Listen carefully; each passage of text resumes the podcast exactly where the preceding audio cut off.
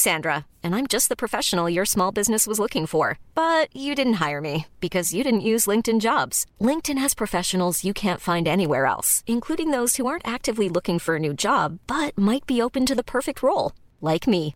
In a given month, over 70% of LinkedIn users don't visit other leading job sites. So if you're not looking on LinkedIn, you'll miss out on great candidates like Sandra. Start hiring professionals like a professional. Post your free job on linkedin.com/people today. Burrow is a furniture company known for timeless design and thoughtful construction and free shipping, and that extends to their outdoor collection. Their outdoor furniture is built to withstand the elements, featuring rust-proof stainless steel hardware, weather-ready teak, and quick-dry foam cushions. For Memorial Day, get 15% off your Burrow purchase at burrow.com/acast and up to 25% off outdoor. That's up to 25% off outdoor furniture at burrow.com/acast. Mother's Day is around the corner. Find the perfect gift for the mom in your life with a stunning piece of jewelry from Blue Nile. From timeless pearls to dazzling gemstones, Blue Nile has something she'll adore. Need it fast? Most items can ship overnight. Plus, enjoy guaranteed free shipping and returns. Don't miss our special Mother's Day deals. Save big on the season's most beautiful trends. For a limited time, get up to 50% off by going to BlueNile.com. That's BlueNile.com.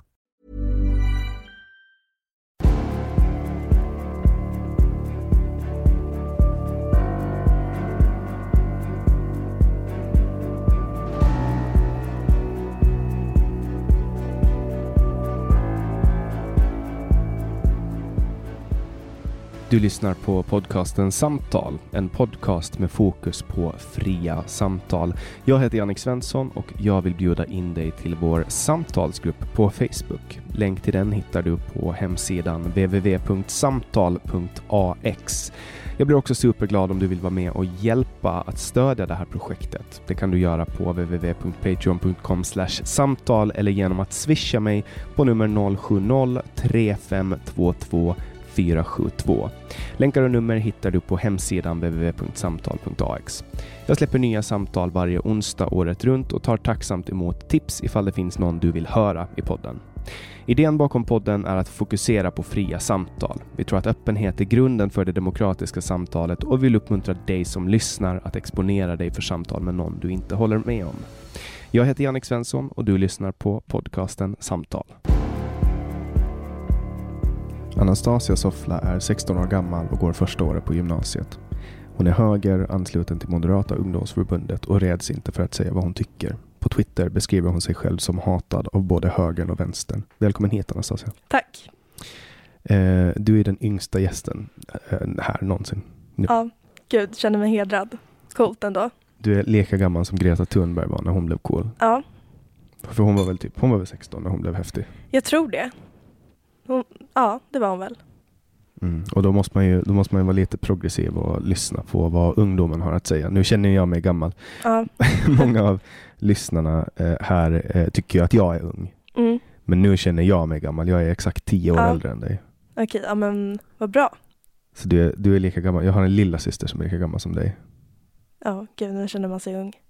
Ja, nej, jag var, men jag var lika gammal som dig när jag började, eh, börja hålla på med politik. Men hur, hur hamnade du in i, liksom, i, i den politiska sfären?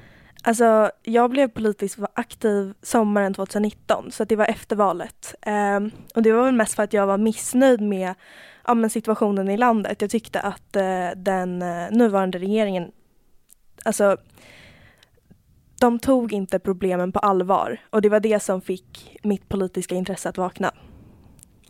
Vad, vad var det, hade du någon specifik fråga som du kände eller var det bara allmänt Stefan Löfvens? Ja men alltså det var mycket så här allmänt Stefan Löfven men också mest ja, men trygghet. Jag kände inte att jag ja, men som ung tjej kände mig trygg. Eh, jag kände inte att jag kan ta mig hem sent en kväll utan att känna mig otrygg. Var bor du någonstans? Eh, alltså jag bor i Sollentuna. Det är liksom det är inte ett utsatt område. Jag kan bara tänka mig hur illa det är för unga tjejer som bor i utsatta områden och eh, ja, men behöver ta sig hem en sen kväll. Och Men det är väl ändå lite otrygga. stökigt i Sollentuna? Alltså det är, jo det är det, fast det beror på liksom lite vart man befinner sig. Till exempel, ja men, eh, de flesta bussarna går ju från eh, busstorget vid Sollentuna station och eh, där brukar det vara ganska otryggt på ja, men kvällar. Eh, men det är också så ganska mycket folk där sena kvällar också så att man brukar ändå ja, men kunna förlita sig på att ifall något händer så har väl människor lite civilkurage. Mm. Har, har, du upplevt någonting själv som gör att du känner dig otrygg eller är det bara att du har läst uh, tidningarna? Alltså det är, det är mycket man ser liksom i tidningarna men också så här, alltså man upplever ju det själv. Uh, om man är på väg hem från typ en kompis en sen kväll uh, så känner man ju sig ofta otrygg. Det kan vara att man liksom träffar på någon som verkar obehaglig. Uh, det är ofta så här, någonting som har hänt mig ganska många gånger och typ många av mina tjejkompisar är att ja, men ofta så är det när man är ute sent själv så det har hänt mig jättemånga gånger att någon alltså så här jätterandom man kommer fram till mig och bara ah, men vet du vart det här ligger? Och bara typ står kvar där ett tag. Eh, och så här, visst att personen ibland genuint kan ha en fråga, men varför Alltså det känns ju lite ibland som att de bara gör det för att göra en obekväm. Ja, eller kanske alltså jag menar, vill, om man på riktigt undrar vad någonting är, då kan man ju ta upp sin telefon. Ja, jag känner lite samma. Alltså det är inte så svårt. Och sen så behöver man ju inte, alltså om man vet att unga tjejer ofta känner sig otrygga så behöver man ju inte gå fram till den enda unga tjejen som står och väntar på ett tåg till exempel. Alltså, ja.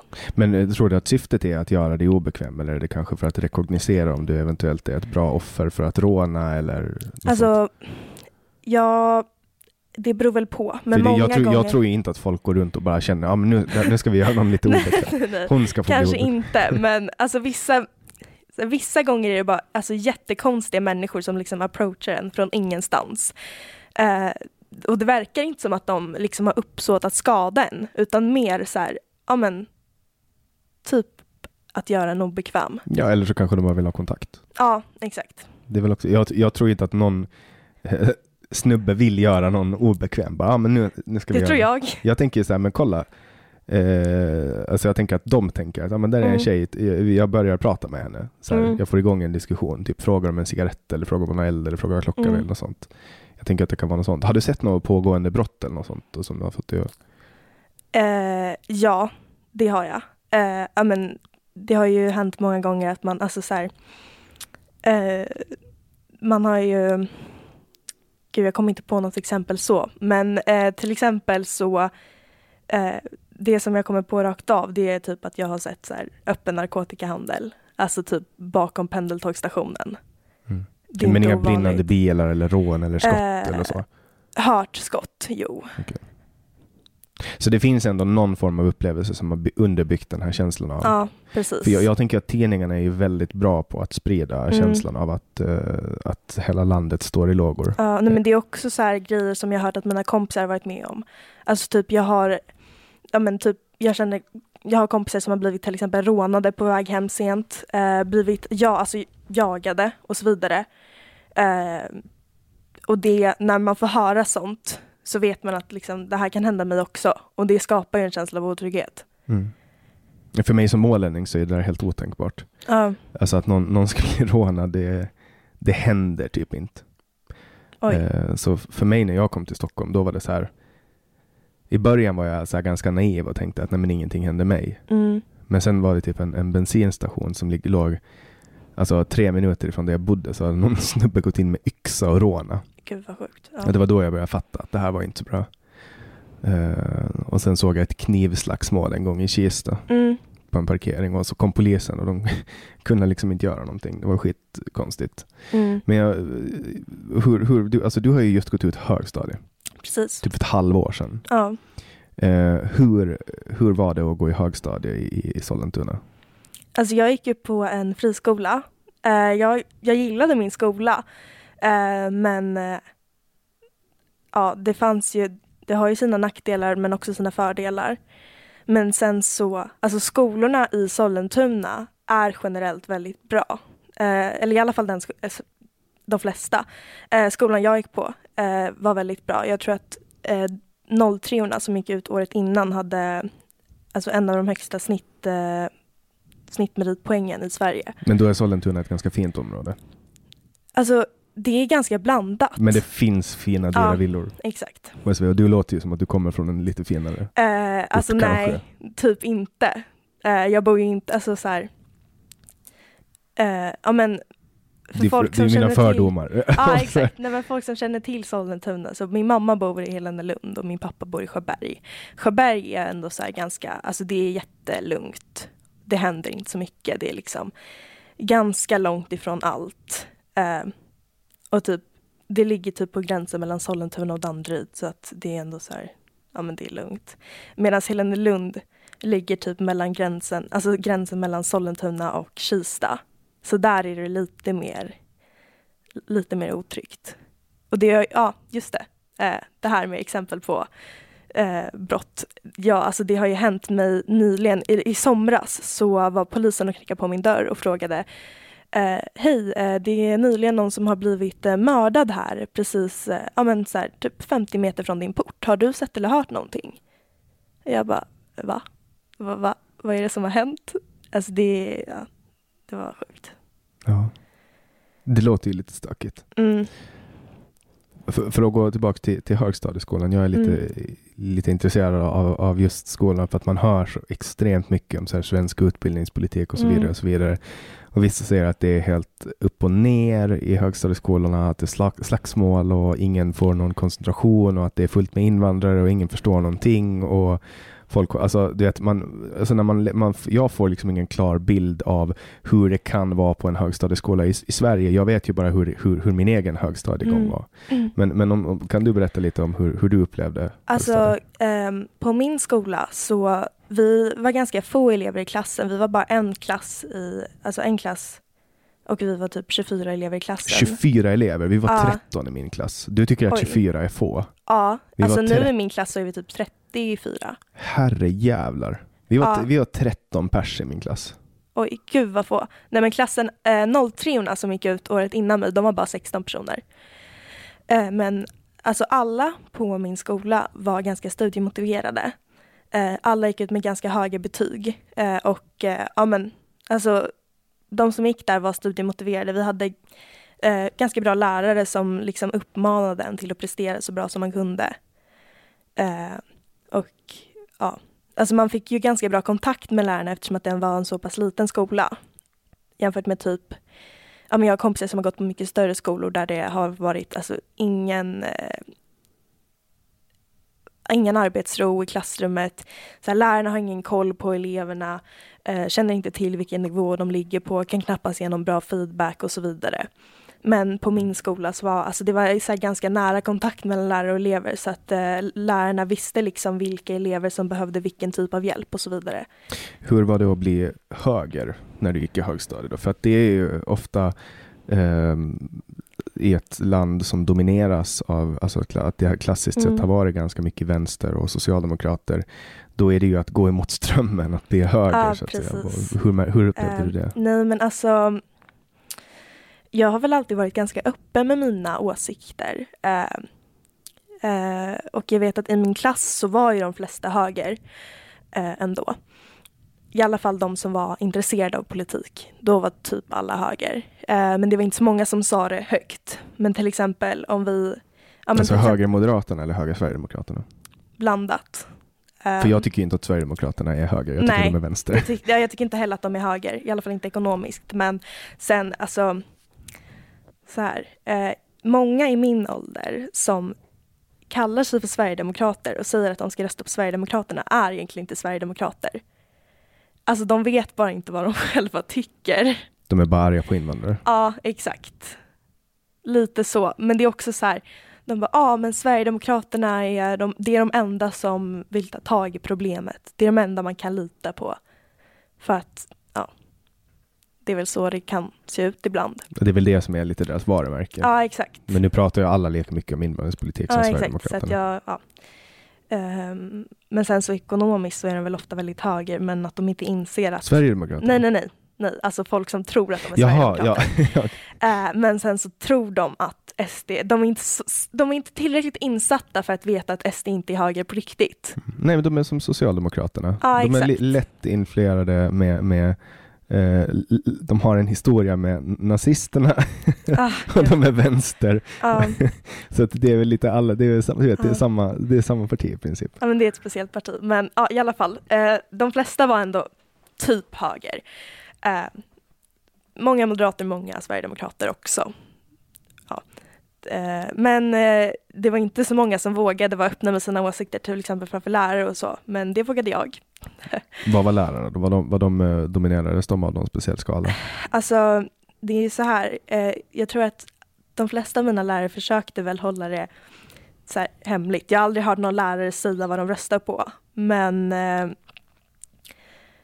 men det, man märker. Ja, så om man är lite vaken så märker man Ja. i vilka håll de nudgar en åt. Ja, exakt. Vart blev ni nudgade?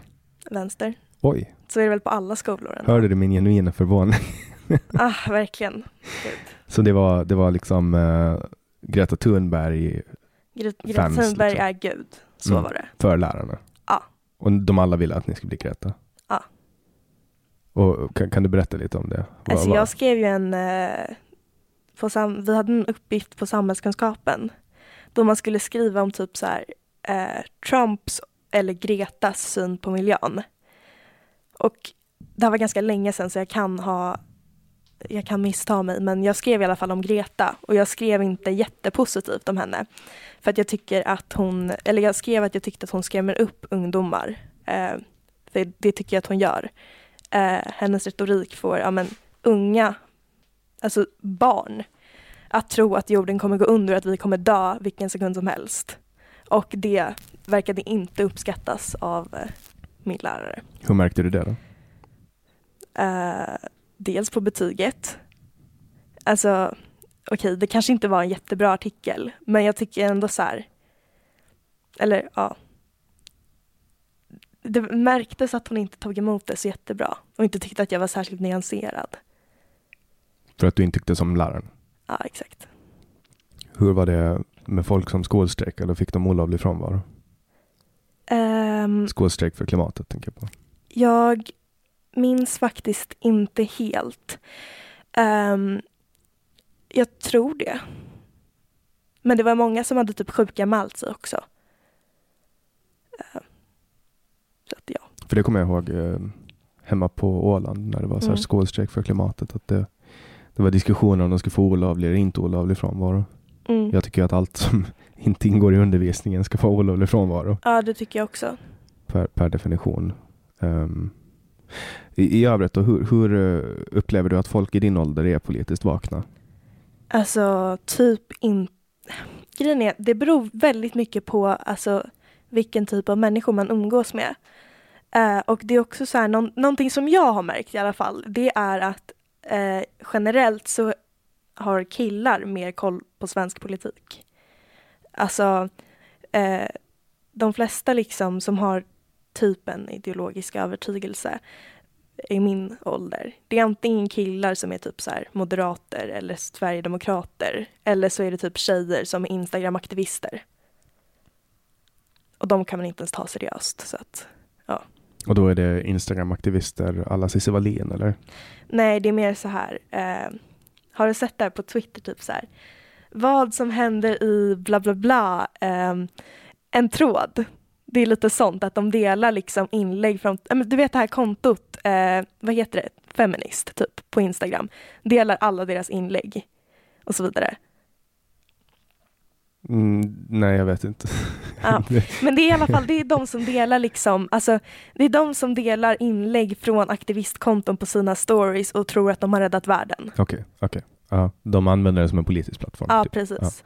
De delar liksom inte... Ja, de, de, det är de som tror att eh, de räddar världen genom att eh, lägga upp en svart fyrkant i sitt flöde. Mm, okej. eh, typ signalpolitik. Precis. Mm. Och det tycker inte du om.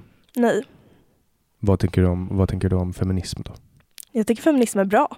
Men, eh, alltså jag är, Men... men, nej nej nej.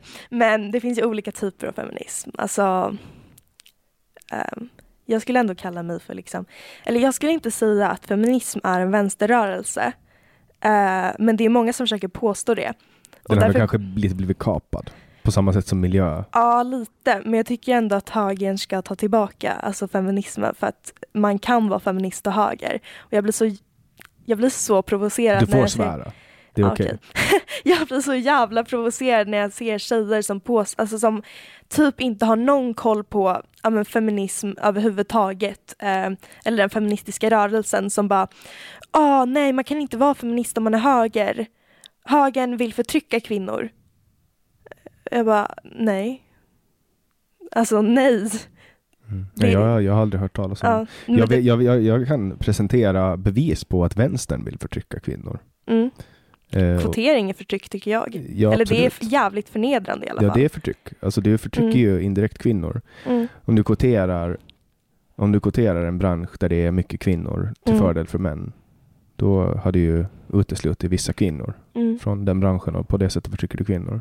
Men du förtrycker ju män också, så om Mm. det är lika mycket förtryck mot båda så kanske det inte räknas som förtryck. Då kanske det bara är utjämning, jag vet inte. Jag kan inte vänsterlogik. Alltså grejen är syftet, eller så som jag har uppfattat det så är ju syftet med kvotering att kvinnor ska liksom ta sig upp i lite högre än typ chefspositioner. Men alltså jag tycker att det är så förnedrande att tro att kvinnor inte klarar av att ta sig dit själva. Att de måste kvoteras in för att ta sig någonstans. Mm, jag har haft, alltså, om jag tänker tillbaka på de cheferna jag har haft så, Mm. så är mina topp tre favoritchefer alla kvinnor. Mm. Nej men ja, alltså jag förstår inte logiken bakom det. Mm. Och du, nu, man, kan, man kan påstå att mitt påstående är anekdotisk bevisföring, men jag, jag har liksom jag, jag tror jag har haft lika många kvinnliga som manliga chefer och Mm.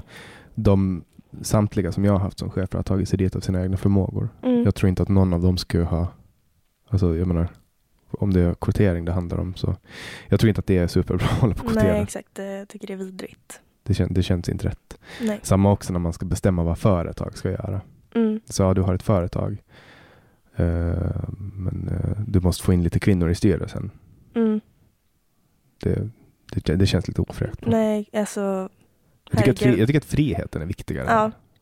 Nej, men anställ, alltså beroende på kompetens, hur svårt ska det vara? Alltså, ja, det är väl den enda relevanta faktorn egentligen. Mm. Klimatet då? Alltså, vad, vad ska vi göra med klimatet? ehm, Du som är ung. Ska jag vara helt ärlig så är inte jag jätteintresserad av den frågan. Eh, jag vet att det är sjukt viktigt. Är du inte intresserad av vår jord? Jo, eller, jo, det är jag, men jag är inte särskilt insatt.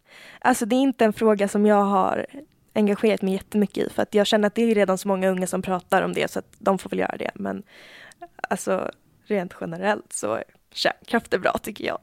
ja, det, är- det är väl den mest koldioxidneutrala energikällan ja, som finns. Ja, men det är typ, alltså så här, det enda jag tycker när det kommer till eh, alltså klimat och miljöpolitik det är väl typ mer kärnkraft, det är bra. Och mer hållbar kärn- kärnkraft, utveckla kärnkraften. Så vidare. Ja, nu sitter ju Sverige fast i en fälla som tidigare generationer har röstat Ja. så att man inte får bygga kärnkraft. Mm, fruktansvärt.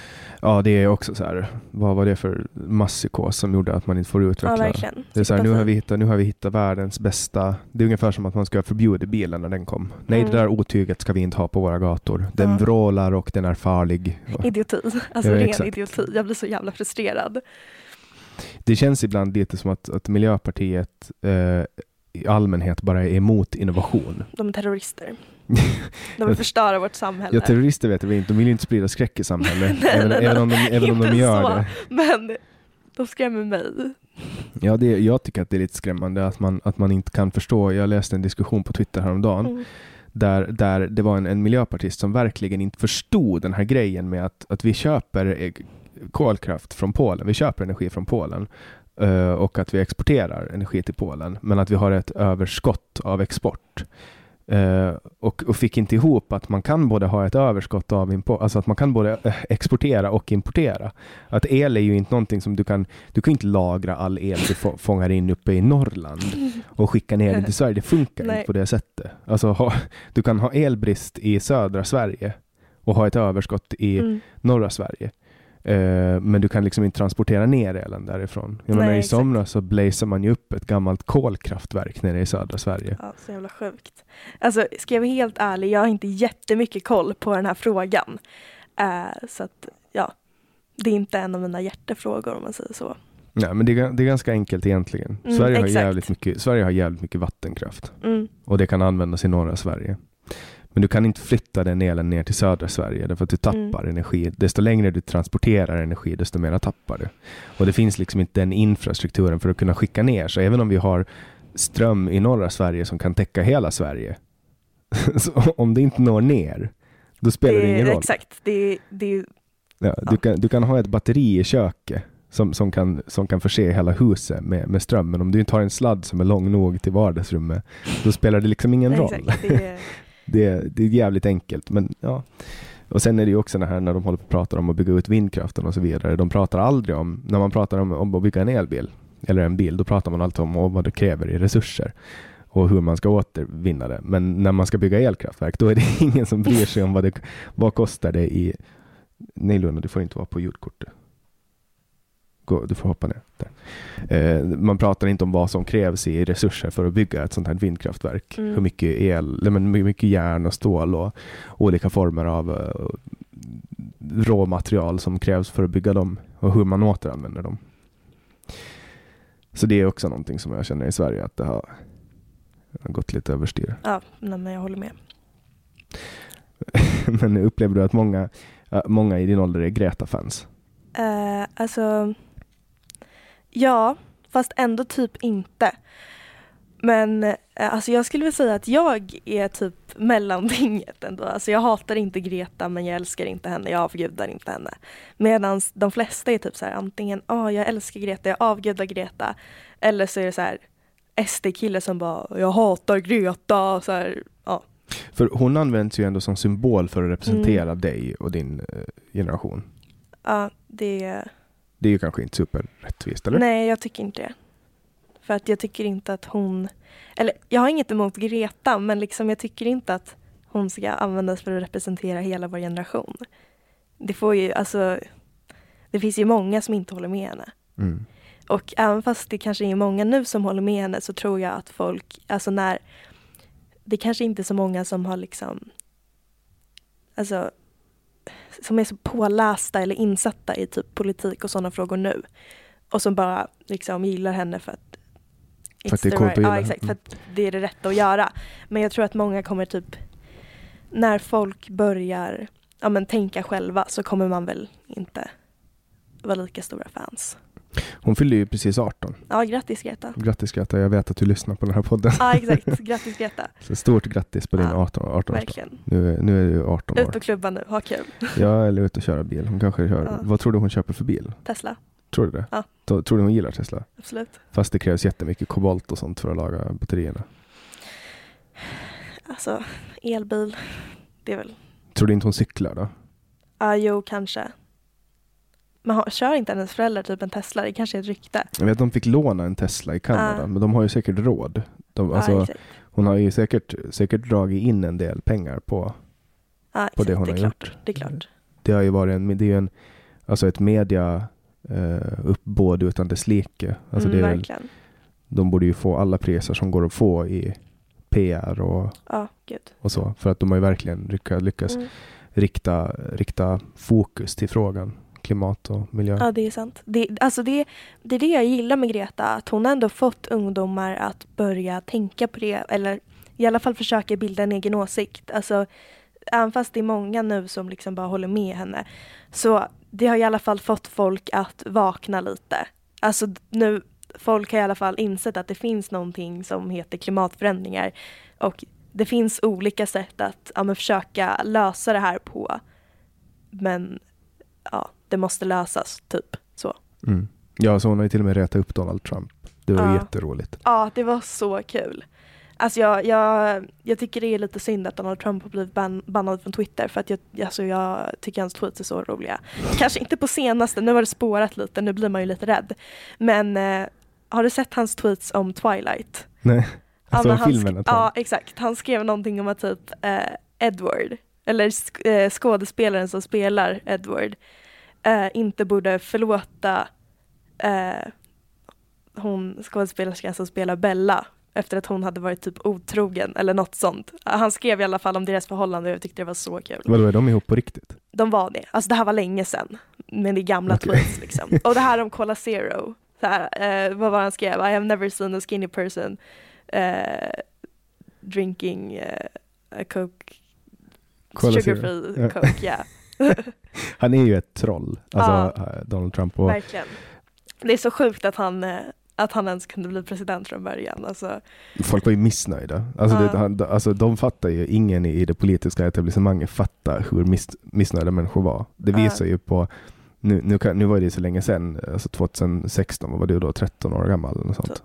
Jag Ja. hade ingen koll på politik då. Eh, Så när han vann, alltså åren innan, så hade folk varit så otroligt trötta på det här uppstyltade politiska spelet. Man ska vara Mm. helt fläckfri, man ska vara liksom, du vet, hela den grejen och folk var jättetrötta på det och så kommer han och folk så här verkligen Ja. fattar inte att det här höll på att växa.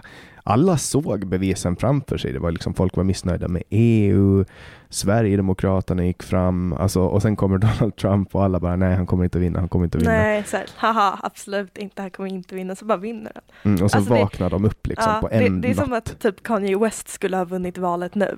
Ja, fast han är ju inte, folk är ju inte missnöjda och därför röstar på honom. nej, De röstar ju på honom för att... Nej men jag menar att alltså, folk blir typ, blev typ lika förvånade. Eller okej, det kanske hade varit en större grej ifall, okej, eh, jag, eh, nej nu fattar jag inte vad jag själv säger. Ja, alltså det var ju, Äh, det, men- det skulle men vara, du det, man blir förvånad. Ja, men exakt. kanske inte, alltså, kanske inte lika men ändå. ja, men folk fattar inte hur missnöjda. Och det var Ja. samma med Brexit. Det var så här, Mm. här i Sverige också, den rapporteringen som, som framkom då var ju att eh, Trump kommer aldrig att vinna, Trump är en idiot. Mm. Eh, Storbritannien kommer aldrig att lämna EU, alla som tror det är idioter. Och sen bara hände de båda sakerna och så satt man här och fattade ingenting och var så jävla förvånad. Men, men det är ju för att man inte, alltså hur ska man kunna ta in USA? Alltså man sitter i lilla, Sverige, 10 miljoner personer. Och hur ska man då här kunna liksom från Sverige skaffa sig ett begrepp om hur 375 miljoner människor i USA tycker och Verkligen. tänker och känner utan att prata med dem? Mm. Så följde man SVT då, eller Aftonbladet, Expressen och så vidare, då var det så här, nej men Hillary kommer att vinna valet. Ja verkligen. Och så vann hon inte. Nej. Nu är det, ju, det är ju det mest ovärdiga jag har sett det Trump håller på Ja, med. men alltså snälla, jag, eh, nej alltså jag skäms. Han vägrar lämna sin plats liksom. Ja, det är pinsamt. Och nu ska han inte ens gå när Biden blir insvuren. Nej men alltså snälla, skärpning, skärpning. Verkligen. Men han är ju som ett barn. Alltså, Ja. han är Men han, är, han har sin charm ändå. Alltså, han är läskig, men ja, han, försöker- är lite vill, rolig. Han vill ju benåda sig själv också. Ja, alltså det var så jävla alltså, mm. han, är, han är en väldigt speciell person och eh, det, kommer, det kommer bli kul när mina barn kommer läsa om det här i historieböckerna. Det Ja. ser jag fram emot. Ja, sen, sen kommer ju ett val till eh, om fyra år. Nej, ja, det är fyra år per år. Mm. Eller är det fem år? Nej, det är fyra år. Fyra år. Eller är det inte fem? 2016 och 2020. Nej, det är fyra år. Är det fyra år sedan? Ja, men det var Ja. Eh, Du ser ju vilken bra matte jag har. verkligen, Eh, nej, men om fyra år så, så eh, är det ju ett val till och han har ju Ja. sagt att han ska ställa upp. Men, Jag tror inte nej, att Joe Biden alltså- kommer att klara av hela nej, eh, här. Joe Biden kommer dö, tror jag. Ja, eller bara bli sjuk. Och, och så kommer Kamala Harris. Ja, få- exakt. Kamala Harris kommer i vilket fall som helst ta över. och det, då är det ju en eh, president de inte har röstat på. Ah, nej gud, jag vill inte ha Kamala Harris. Jag är, jag är, inte, jag är inte alls insatt. Alltså USA-politik är väldigt, jag är inte intresserad av USA-politik. Jag var verkligen inte det förut, men nu det här valet så har jag typ blivit det. Jag tänker ju typ Eh, att Michelle Obama skulle ha varit en skitbra president. Tänk att att återanvända henne liksom. Hon har ju ändå varit first lady i åtta år. Uh, alltså jag minns dock inte hur det var då, för att jag var väl typ, hur gammal var jag när Obama var president? Ja, men hon är en klok kvinna i alla fall. Det Ja. var fyra när han blev vald. Men, Ja, exakt. Ja, men och då gick jag i åttan. Men, men hon, är, hon är en klok kvinna och, och hon har eh, Mm. en uppfattning om, om hur man... eh, Alltså hon har ju varit ihop med en krigarpresident. Liksom. Han krigar ju väldigt mycket. Men, men, men jag känner så här spontant att hon skulle nog kunna vara en, en kraft som, som behövdes i Vita huset. Men nu har de rullat in Joe Bidens lik där istället. ah, Gud, verkligen. Alltså, han ser ut som att han ska dö när som helst. ja, han ser lite fräschare ut nu. nu när, Alltså, kan de typ sminka honom? Men de gör ju det nu. Ja, vad bra. Alltså det finns en jättebra eh, concealer som eh, eh, från The Balm som är jättetäckande. Jag rekommenderar den till eh, Joe Biden. Joe Biden. Eh, den we är know, en liten we burk. know you are looking at this podcast, uh, Uh, yes. Mr. President elected. Uh, so if you want, you can uh, also take this concealer Yes, as we are recommending in this your favorite podcast, Mr. Yes. President elect. thank you. Vi vet ju att alla lyssnar på den här podcasten. exakt. Eh, var, varför skulle folk inte lyssna? Jag är ju med, hallå. Jaha, nej men och, och jag vet ju att när Joe Biden lyssnar på den här så uh, har han simultantolkning. Ja, exakt. Nej, alltså jag, det, jag skulle rekommendera den. Jättetäckande. Han behöver det. Nej, men alltså de mörka ringarna skämtar man inte bort. Nej, men jag, tycker, jag tycker ändå han är ganska stilig. Kanske han är. Alltså, jag, så, han, är ju, han är ju snyggare än Donald Trump. Vad säger du om Donald Trump? Han är fan trendsättare. Har du inte sett hur alla tjejer ser ut? Du ser ju mig, jag är också orange. Alltså- och sen läpparna också, putande läppar. Ja, exakt. Alltså han är ju fan en eh, stilikon för alla oss fjortisar. Ja. Ja, färgar hår. Eh, verkligen. Alltså han har blekt håret, han är orange, putar med läpparna, spraytannar sig. Alltså han är ju så fjortis man bara kan bli. mm, Eh, och det tycker jag är jättebra. mm. Ja, han, det, det kan man ju inte ta ifrån honom, att han är en trendsättare. Nej. Sen älskar jag Melania Trump. Jag vet väldigt li- Alltså jag har sett att hon, har, hon hänger med som något smycke. Alltså jag kan typ ingenting om henne men jag bara älskar henne för att hon är typ så här. Ja men hon är väl en trophy wife men hon är ganska snygg. Hon hakar på liksom. Hur Ja, gammal exakt. är hon då? Ingen aning, typ 50 kanske. Jag har fått höra att jag är lik henne, det är därför jag gillar henne. Jag tycker inte att det liknar jättemycket. Fast hennes ögon är lite läskiga dock. Ja, de är rätt stora. Små. Små. Okej, hon är exakt 50. Ja, Är de små? Ja, okej, okej. De ser stora ut för att det är väldigt mycket smink runt ja dem. exakt. Jag sminkar mig på samma sätt som henne, ungefär. Kanske är därför jag kan Fast jobba. kanske lite. Det kanske li- liknar lite. Ja, lite det här östeuropeiska utseendet liksom. Men du är inte östeuropé. Jag är halvryss. Halvryss. Okej, Ja. du är halvryss. Pratar du ryska? Ja, det kan jag flytande, privet. Okej. Eh, och, och sen är du halv i... Iranier. Iranier. Mm. Halvrysk, halv iranier. Eh, riktig diktaturunge. Eh, Hur, ja, hur, hur, eh, hur, hur kommer en sån blandning till? Eh, alltså ja, det är ytterst oklart. Fråga mina föräldrar. Då pratar du persiska också då? Nej, alltså jag, tyvärr kan jag inte persiska. Eh, jag förstår lite och så. Men jag, jag kan inte prata persiska. Men ryska kan du prata? Ja, ryska kan jag flytande. Okej, men då, nu, nu när, när jag vet det, då liknar Mm. det lite Melania Trump med. Ja, exakt. Tack. Eh, och med så här wannabe Trump-looken för att du också är orange. Ja, tack. Nej, du är inte, du är inte orange. Jag tycker det. Tycker du det? Jag har köpt en ny bronzer, den är orange. Okej. Gud vad intressant. Alla bara, gud vad jag bryr mig. Ja, Nej men, men, eh, ja. vi, vi har ju ändå en och en halv timme kvar. Vi måste ju Ja, avhandla exakt. lite så här stil, eh, Mm. stilikon-saker. Precis. Eh, vad, vad, vad tycker du annars om att prata om politiskt? Vad har Eh. du dina hjärtefrågor? Eh, legalisering av cannabis. Alltså det är min absoluta hjärtefråga, i alla fall just nu. Eh, sen är det också trygghet och typ så här, ja men, höj, alltså högre straff och så vidare. Men du vill, du vill legalisera cannabis? Alltså du vill alltså att Systembolaget ska sälja cannabis? Alltså helst på ICA, men Systembolaget funkar också. Du vill att det ska vara statligt reglerat? Det- ja, alltså, eh, ja det tycker jag för, ja, det en, eller så här, till en början i alla fall. Det är ju, det är ju en kontroversiell åsikt.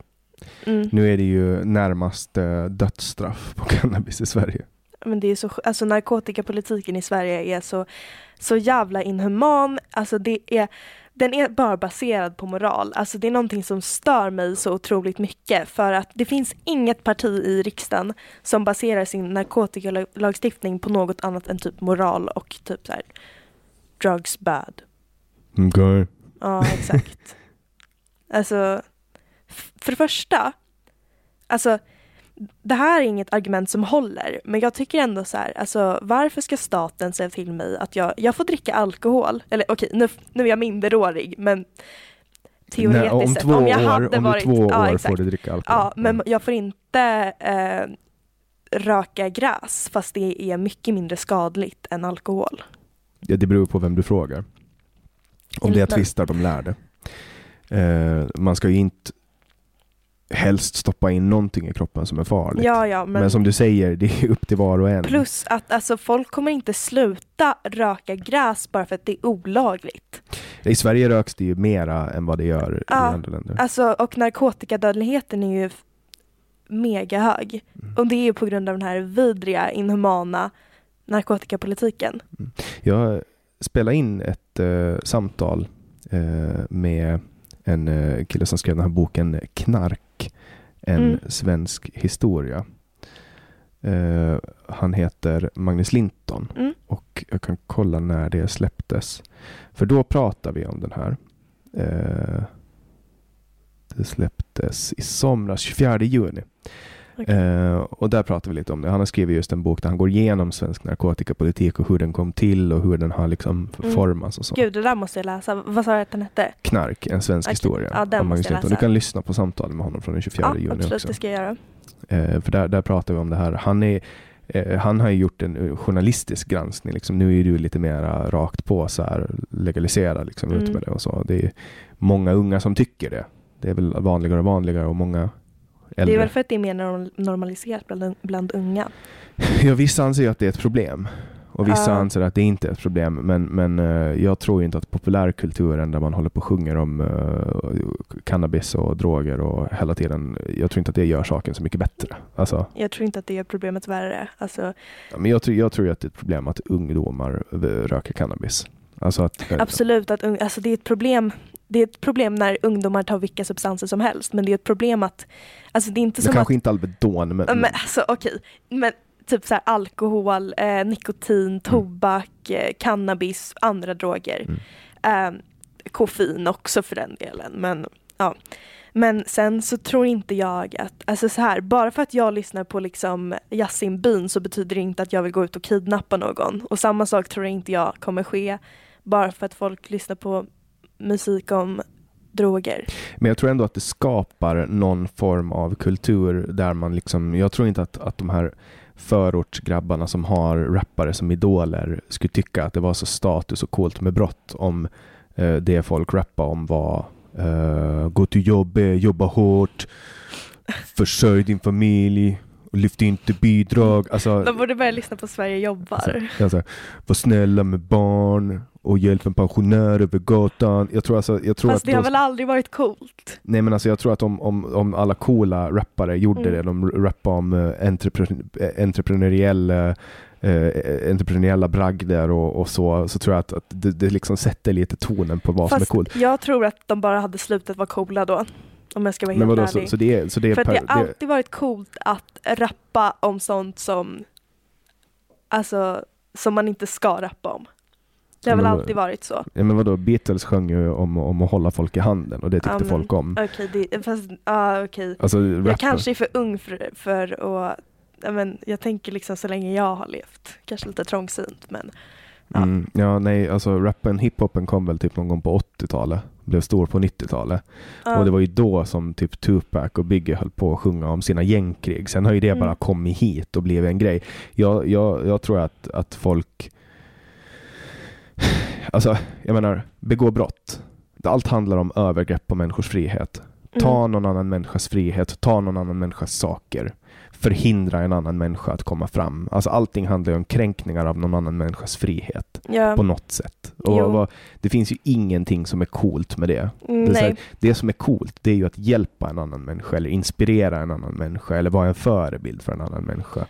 Eh, det är så jag tänker i alla fall. Jo men alltså jag håller med men jag tycker fortfarande att så här, alltså rap är rap. Alltså det kommer inte bli coolt att rappa om bra saker. Alltså det kommer inte hända. Jag, nu, är inte jag, nu är inte jag en boomer som säger att man ska rappa om Ja. coola saker, men jag säger att, att tänk om det från början hade varit så att man rappar om hur Alltså, alltså, jag tror, men vad, vad är som är coolt? Alltså, så här, vad är grejen egentligen med så här, okej, jag, jag rappar om att jag säljer droger, fucking säljer knäch och fucking knullar gussar. Alltså vad är grejen? Alltså så här, men det är väl lite den här, alltså grejen är Rap blev väl ändå stort för att det var så pass kontroversiellt, eller? Ja, men i början så rappar man ju, alltså, alltså Latin Kings eh, och sånt, de rappar ju lite mer om the struggles in the hoods. Det var ju Mm. inte liksom, ska fucking råna en pensionär, sprätta blod på väggen. Alltså, och nu är det ju bara, nu är det bara brutalt liksom.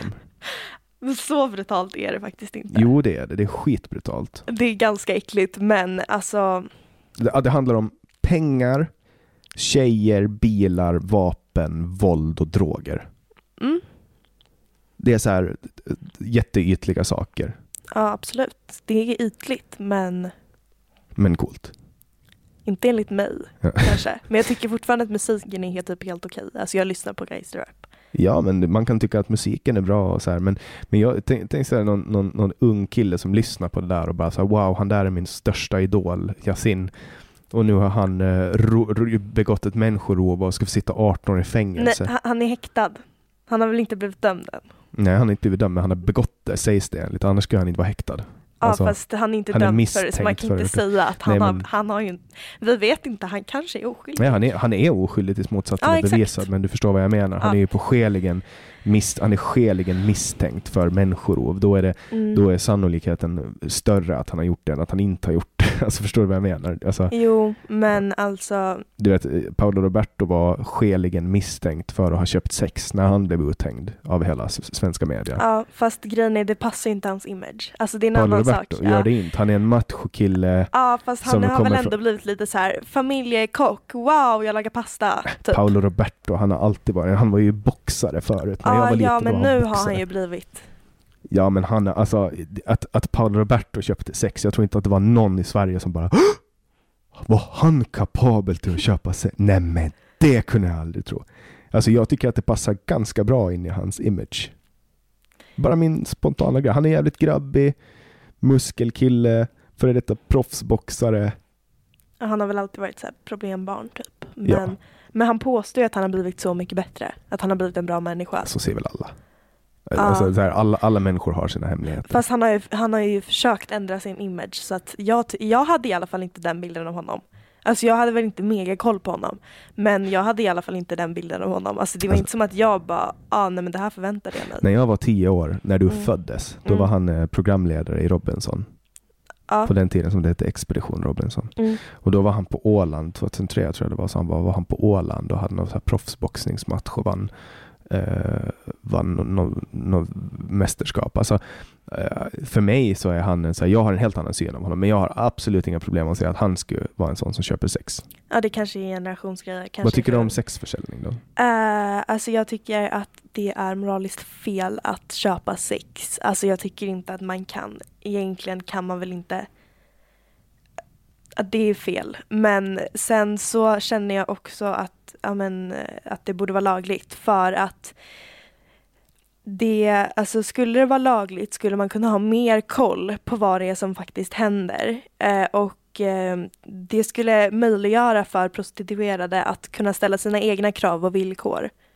Eftersom att de, alltså nu är det liksom personen som köper sex, det är den som begår ett brott och då blir det den som får ställa villkoren. Det blir ganska rimligt att den ställer villkoren eftersom att det är den som begår ett brott och kanske inte vill bli påkommen. Men är det lagligt så kan man ju, alltså så här, staten och polisen har mer koll på det, på vad som pågår. Så att eh, ja, men de kvinnorna inte blir, ja men alltså att, inga över, alltså att färre övergrepp begås mot de kvinnorna som har valt att Det ställer ju dig inför ett moraliskt dilemma. Mm. Du tycker att eh, det är moraliskt fel att reglera droger? Eh, Att förbjuda droger? fast jag tycker man ska legalisera sexköp. Ja. För, Men du alltså, tycker att det är moraliskt fel? eh, Då är alltså, det moraliska dilemmat, vad är mest moraliskt förkastligt? Att förbjuda folk från att köpa sex eller att tycka att sexköp är moraliskt fel? Förstår du vad jag menar? Ja, men jag tycker att det är fel för att jag tycker inte att man kan, alltså jag tycker fortfarande att det är att köpa någon annan människas kropp. Men sa- samtidigt så finns det kvinnor som gör det frivilligt. Eh, och det är alltså säkrare för prostituerade kvinnor om det är lagligt. Och om, man, om man ser all, all interaktion med olika människor som en transaktion. Till Ja. exempel att för, för, för dig och mig så är den här att vi spelar in den här podden, det är ju en Mm. transaktion. Du, du gästar min podd Ja. i utbyte mot att du får publicitet. Ja. Och det är en, en, en transaktion som du och jag gör på Mm. ett, eh, på ett icke-finansiellt plan. Då har ju du och jag gjort, då har ju jag, jag har ju på ett sätt köpt dig för publicitet. Nej. Jo men det är ju Nej, så, alltså, te- det, tekniskt det sett. är eh, lite Jo men alltså egentligen så är väl alla yrken prostitution för att man säljer sin kropp men alltså Sin tid. det är ändå så här av sin tid Mm. eller sin kropp, beror på. Eh, Men det är också så här, alltså det är en annan grej eftersom att det involverar, alltså det involverar mycket övergrepp. Alltså det är många kvinnor som väljer att göra det. Blir, alltså så här, jag tycker inte, Det är ju våldtäkt. ja, Ja, och det är alltid olagligt med våldtäkt, tänker jag.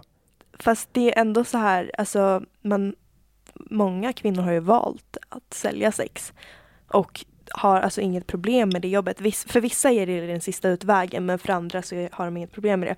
Och alltså jag tycker inte att man ska basera lagstiftning på moral. Eh, så hade jag liksom baserat min ståndpunkt i frågan på moral så hade jag tyckt att det ska vara olagligt att både köpa och sälja sex. Mm. Fast nu tänker jag mer på att hur man ska göra det för att det kommer alltid att finnas. Din åsikt är att det är moraliskt förkastligt att köpa sex, men Mm. inte att sälja sex. Nej. Eh, men du vill inte införliva legislativa åtgärder för att förhindra det. Nej, för att jag tror inte att det kommer funka. Mm. Vet du Alltså- hur det är i Finland? Eh, nej, Vad, hur tror du att det är i Finland? Eh, jag har faktiskt ingen aning. Men vad är din känsla? Det känns som att det är olagligt. Det är lagligt att köpa och sälja sex i Finland. Gud vad nice. Trevligt. Bra. Och det är ingen som klagar på det där. Ja, exakt. Det är bara för, alltså, och det, jag tänker ofta på det, så här, hur den här debatten pågår i Sverige, speciellt efter Paolo Roberto-skandalen. Mm. Så är det så här, varför pratar ingen om att i Finland? Alltså, man verkar vilja tysta ner det. Att, Ja. i Finland så får du får köpa sex, du får sälja sex. Ja, så länge bra. ingen tredje part är inblandad. Ja, men toppen. Det ska, så ska det vara. Alltså det är liksom, alltså, Det är ju samtidigt en lag som varken säger Lagen säger inte, det är inte bra att göra det och det är inte Mm. dåligt att göra det. Den säger ingenting. Den säger bara, ska du sälja sex? ja men det är exakt så jag tycker att lagar ska liksom, de ska inte baseras på politikers moral. Alltså snälla, oavsett om du tycker det är fel eller inte, så man måste ju, man kan ju inte vara helt jävla blind. Man måste ju förstå att det kommer pågå ändå. Sex med djur då? Men snälla djur, djur har ingen egen vilja när det kommer till det. Det ska absolut vara olagligt. Mm. Men det är ju en lag som moraliserar. Ja fast det handlar ju om att djur inte kan talas för sig själva. Mm, Och därför kan de inte heller säga att de tycker om någonting. Men det går ju inte att bevisa att... Nej, men det, det, det här, Alltså- Nu utsätter jag dig för ett moraliskt dilemma. Ja. Det här har man hållit på med i alltså 30-40 år har ungdomspolitiker fått de här frågorna. När jag var i din ålder, då fick jag den här frågan hela tiden. För att man är ju alltid lite radikal när man är Mm. ung. Så det är inte så, jag är bara djävulens advokat och Ja. utsätter dig för Ja, moraliska men dilemman. alltså sex med djur är fel för de kan inte, alltså så här, Mm. jag tror inte att de, så här, jag är inte så jätteinsatt i frågan men det finns säkert forskning om det här antar jag. Eh, och alltså om jag gissar helt vilt nu så tror jag inte att eh, djur njuter av det eller vill ha sex med människor. Fast bevisa motsatsen liksom. Alltså det är det som är dilemmat, förstår du vad jag Ja menar? men alltså så här, jag menar det, det- jag tycker inte att man kan jämföra prostitution och sex med djur. För att det finns ändå så här, alltså de människorna, och plus att jag tror inte att, alltså sex med djur är väl absolut inte lika vanligt som prostitution. Eh, det vet jag inte, men, men jag, ska Jag tror spe, jag, jag ska spela upp en, en rolig sak Ja. eh, för dig. Det här, är ett, det här är en gammal klassiker från när man diskuterar tidelag, då, alltså sex med djur i riksdagen. Mm. Gammal, gammal klassiker kommer här. Det blir en bedömningsfråga i sista hand vad som är ett sexuellt nyttjande av djur. Och låt mig då ta några exempel. Är det och ska det vara lagligt att eh, på ett kön stryka på något som för exempelvis en hund smakar eller luktar gott Oh för att låta denna hund eh, slicka av det som är påstruket på könet. Ska det vara tillåtet att smeka en hundtik på eh, spenarna av kärlek? Eller ska det räknas som ett sexuellt nyttjande utav djur? Här hör vi då Eskil Erlandsson, gammal centerpolitiker. Eh, alltså, gud jag är mållös. Tänk, tänk att ha den här diskussionen i... det- Du tyckte det var jobbigt att vi Ja. har den i en podd. Tänk att Ja. ha den i riksdagen. Aldrig i livet, dör hellre. Alltså på riktigt. Ja. Nej, det, Hade hängt mig i kammaren. Förlåt, jag kanske är grov nu men det är så ni är. nej, det var nog Äh, ganska många eh, Nej, käkar fy, som... fy fan vad stelt. Jag tänker också att gå upp och, och sen också hur han uttrycker sig. Jag har Mm. spelat upp det här i podden förut i ett samtal med en psykolog som heter Tanja Suhinina. Så spelar jag upp samma eh, klipp för att det, jag tycker det är så jävla roligt. Jag spelar upp det också tror jag i, i min andra podd, Generation YX. Eh, men alltså det här är liksom det här kapslar in en, alltså, en politiker. Han, vet, han hade sitt korrekta språk. Liksom. Ja, alltså jag tycker så synd om honom. Men Gud här, vad jag hade skrattat ihjäl mig. Ja, men den, här, den här upprepningen också, så här, det som strukits på könet. Alltså helt onödiga liksom, herregud. upprep- alltså, Jag tycker det är helt... Nej, alltså det var fruktansvärt att lyssna på och jag tycker så synd om honom. Som var tvungen att göra det där. Han blev ju åtalad och dömd i tingsrätten för eh, att han har tafsat på olika kvinnor. Eh, men jag tror han blev friad i hovrätten. Ja, oj, Så han är oskyldig, mm. Kan man påstå. kan man påstå. Eh, men jag kan ha fel. Jag kan ha Ja. fel. Nej men som sagt, det här är ju, det här är svåra frågor och, och nu, nu bråkar jag lite med dig som, som tog det här moraliska Ja. dilemmat. Men, men för att återgå till, till droger då. Alltså, jag, jag tänker så här. Att om man är som du nu, 16 år Mm. gammal. Om du skulle röka cannabis, då skulle du utsätta din hjärna för påfrestningar som den inte ska uppleva. Vilket i sin tur skulle göra att du utvecklades, och det här finns jättemycket studier på, att du Mm. utvecklades sämre. Ja. Tänker inte du att det kan vara rimligt att ha en åldersgräns på 22 år till exempel för att Jo, röka cannabis? jo, absolut. Alltså, jag tycker att det ska vara lagligt och att det ska finnas en åldersgräns. Uh, alltså, när är det man brukar säga att hjärnan är färdigutvecklad? Jag tror att inte det är vid 22. Typ, är det inte vid 24 typ? Ja, kanske 24. Ja men jag tycker i alla fall att det ska vara då. Alltså sen så kommer ju, alltså nu är det ju många unga som röker cannabis ändå. Och det Har du sett de- det med egna ögon? Ja. Eh, Hur gamla? Alltså folk i min ålder, folk yngre än mig. Alltså det är liksom, jag har många bekanta som jag vet röker cannabis. Det är inte ovanligt. Alltså det måste folk inse att alltså det är inte ovanligt. Och alltså även högstadieålder, det har man ju hört Ja. bäst om liksom. Men, Jo, men ja. alltså sker det försäljning på skolan också? Nej, alltså det, det är väl de som gör det, alltså det är ändå så här ganska många, men de åker väl ut i förorterna och hämtar sin produkt. Nej men alltså, ja, det är, alltså, alltså det är väldigt vanligt förekommande bland ungdomar. Eh, och jag tror inte heller att det kommer vara mindre förekommande bland ungdomar om man legaliserar det. Men jag, jag tror att det kommer vara säkrare för att, eh, men, alltså eh, förmodligen så, ehm, alltså det är bättre om staten reglerar vilket cannabis som säljs. Och sen så kommer det ju antagligen, alltså samma, på samma sätt som alkohol säljs ut från Systembolaget kommer cannabis säljas ut. Ja, det är ju inte svårt att få tag på Nej, sprit nej, om man är minderårig. Exakt, alltså det är ju hur lätt som helst. Eh, jag har ingen aning. Eh, nej jag skojar. Nej men eh, alltså det, är- det, är ju, det är ju väldigt lätt att få tag på saker, alltså oavsett ålder liksom. Och jag tror att det kommer ju inte minska om man legaliserar cannabis. Men jag tror ändå att det är bättre att folk, att ungdomar får tag på det från, alltså så här, cannabis som man vet är säkert. För nu, alltså du vet ju inte om liksom oavsett hur gammal man är, om man går och köper liksom knark, man vet ju inte vad den här langaren eller liksom den som har producerat det har stoppat i det.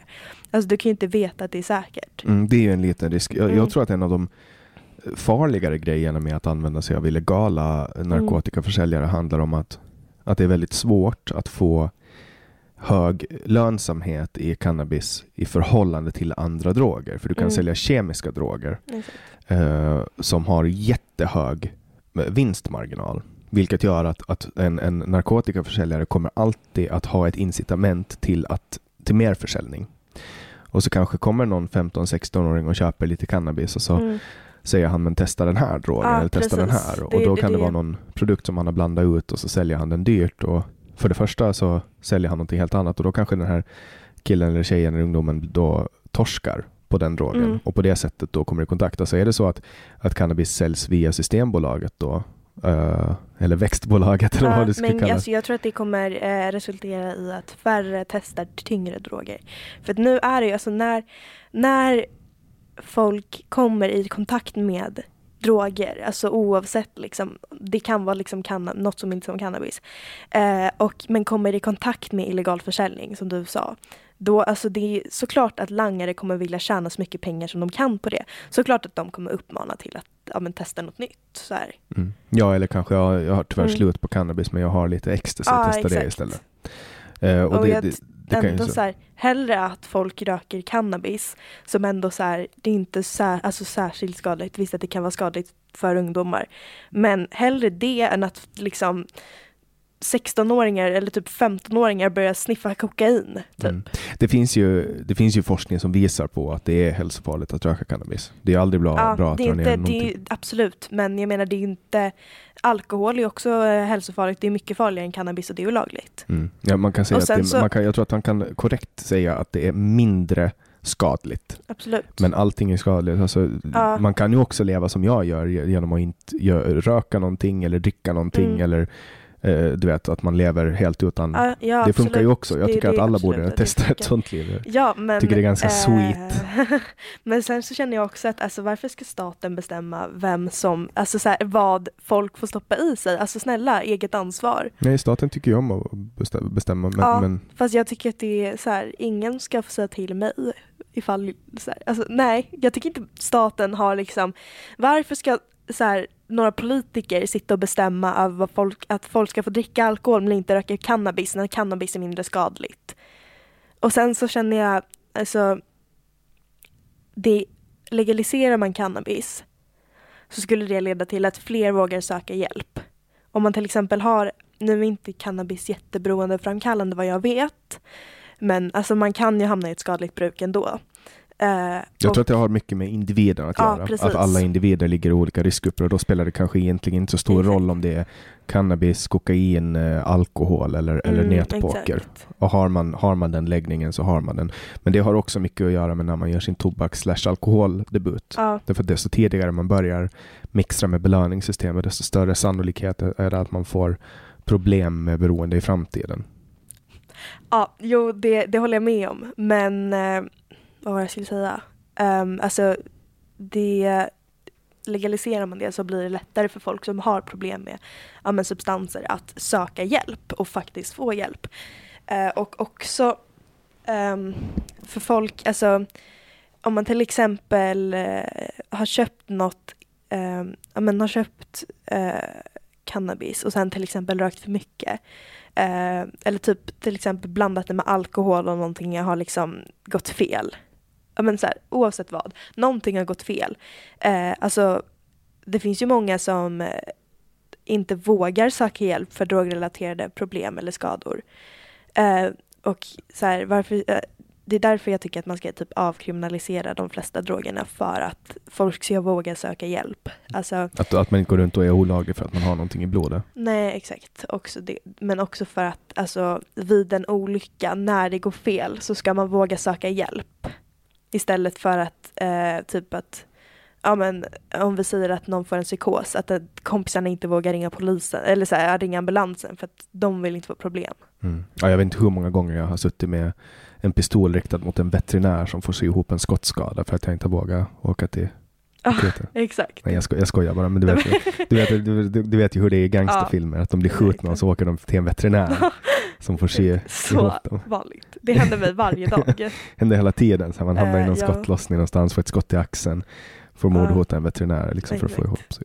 händer varje dag. Mm. Men eh, ja, det är ju en, det är en kontroversiell åsikt. Eh, vad har du mera för kontroversiella åsikter då som vi kan vädra här? Um, Fladdra ut alltså jag vill bara säga att eh, de här åsikterna är mina egna. Eh, så att, ja. Ja just det, Jag måste ha en inte- disclaimer. Eh, jag talar inte för partiet eller förbundet nu, utan det här är mina egna åsikter och eh, vissa av dem kanske sammanfaller med MUFs åsikter. De flesta av mina åsikter gör det, men inte alltid. Så att det här är mina egna åsikter eh, i alla fall. Kommer du att få skit för det här tror du? Eh, jag har faktiskt ingen aning. Men Eh, vad- det här var du- så spontant så jag har inte ja, men hunnit ko- kolla. Men... Du kan väl berätta hur det gick till, hur du blev bokad till den här podden? Ja, eh, jag skrev en tweet. Jag skrev jag vill ha en podd för att eh, jag vet inte, det kändes kul typ. Jag gillar att prata, gillar att twittra. Eh, så jag skrev jag vill ha en podd. Eh, och sen så bara kollade jag kommentarerna så ser jag att jag har fått en kommentar. Bara, ah, jag har fått en avbokning imorgon, eh, vill hoppa in? Så här. Jag bara, ja, ah, lätt. Så jag hade inte ens sagt upp podden. Jag hade självklart tackat nej om det var något jättesketchy, men sen när jag väl kollade upp det så jag bara, ja ah, men det här låter jättebra, jag är med. Så du tycker inte att det här är sketchy då? Nej. Jag tänker så här ändå lite, alltså du har väl haft med någon riksdagsledamot, i, nej EU-parlamentariker var det väl? Ja, Sverigedemokrat. Ja, okej, Sverigedemokrat, inte så jättebra kanske. Men ja, ändå så här, alltså normala människor, ganska. Det är ju gott sällskap. Jean Frick till exempel. Ja. Eh, Nej, men, en eh, nazist har varit med, oj, Per eh, Öberg. Nu ångrar man ju sitt val. Nej, men jag känner ändå så här, ja men det här är ändå så här en helt okej kontext. Mm. Så det, det är viktigt att kolla kontexten, att inte, Ja, du, eh, att inte du blir guilt by association Mm. kopplad till dem. för först så vill jag inte få alltså, förbundet att eh, få dåligt liksom Publicitet. Ja, dålig publicitet och inte förstöra för mig själv heller.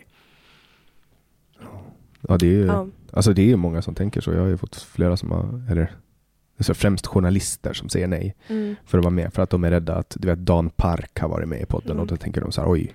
Ja men jag tänkte typ att eh, My Pool har ju varit med i podden. Hon Mm. är också ungdomsförbundare. Så att jag tänker så här, okej, inte samma förbund men ändå det, det är så här, ja, men rimligt. Mm. Suf, visste du Ja. vem hon var för? Ja, det visste jag. Genom hennes debattartikel? Eller Eh, nej, vi har följt varandra på Twitter ett tag, tror jag. Eller jag vet inte om hon följer mig, jag tror det. Hoppas det, annars blir jag sur. Mm. Hon, sa, hon satt i samma fåtölj som dig och spelade. Ja, coolt.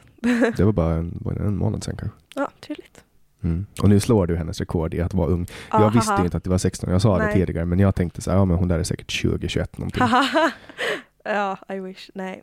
Men, ja, det, kommer, eh, det kommer, it's inevitable. Ja, I'm sorry. Men en dag så kommer du att bli vuxen. gud. Det är inte så kul som man tror. Nej. Jag blir rädd, jag får åldersnoja redan nu. Här. Mm. Eh, nej men ja, ja, det känns eh, coolt att vara den yngsta deltagaren. Vart, vart vill du komma i politiken? Vill du sitta i riksdagen? Alltså, det hade väl varit jättekul. Alltså, Då kommer det så här att ligga dig i lasten. De Oj, bara, du, ska, du ska ställa upp i riksdagsval. De bara, "Nej, men du var med i en podd 2021 där du Ja. säger att cannabis är bra.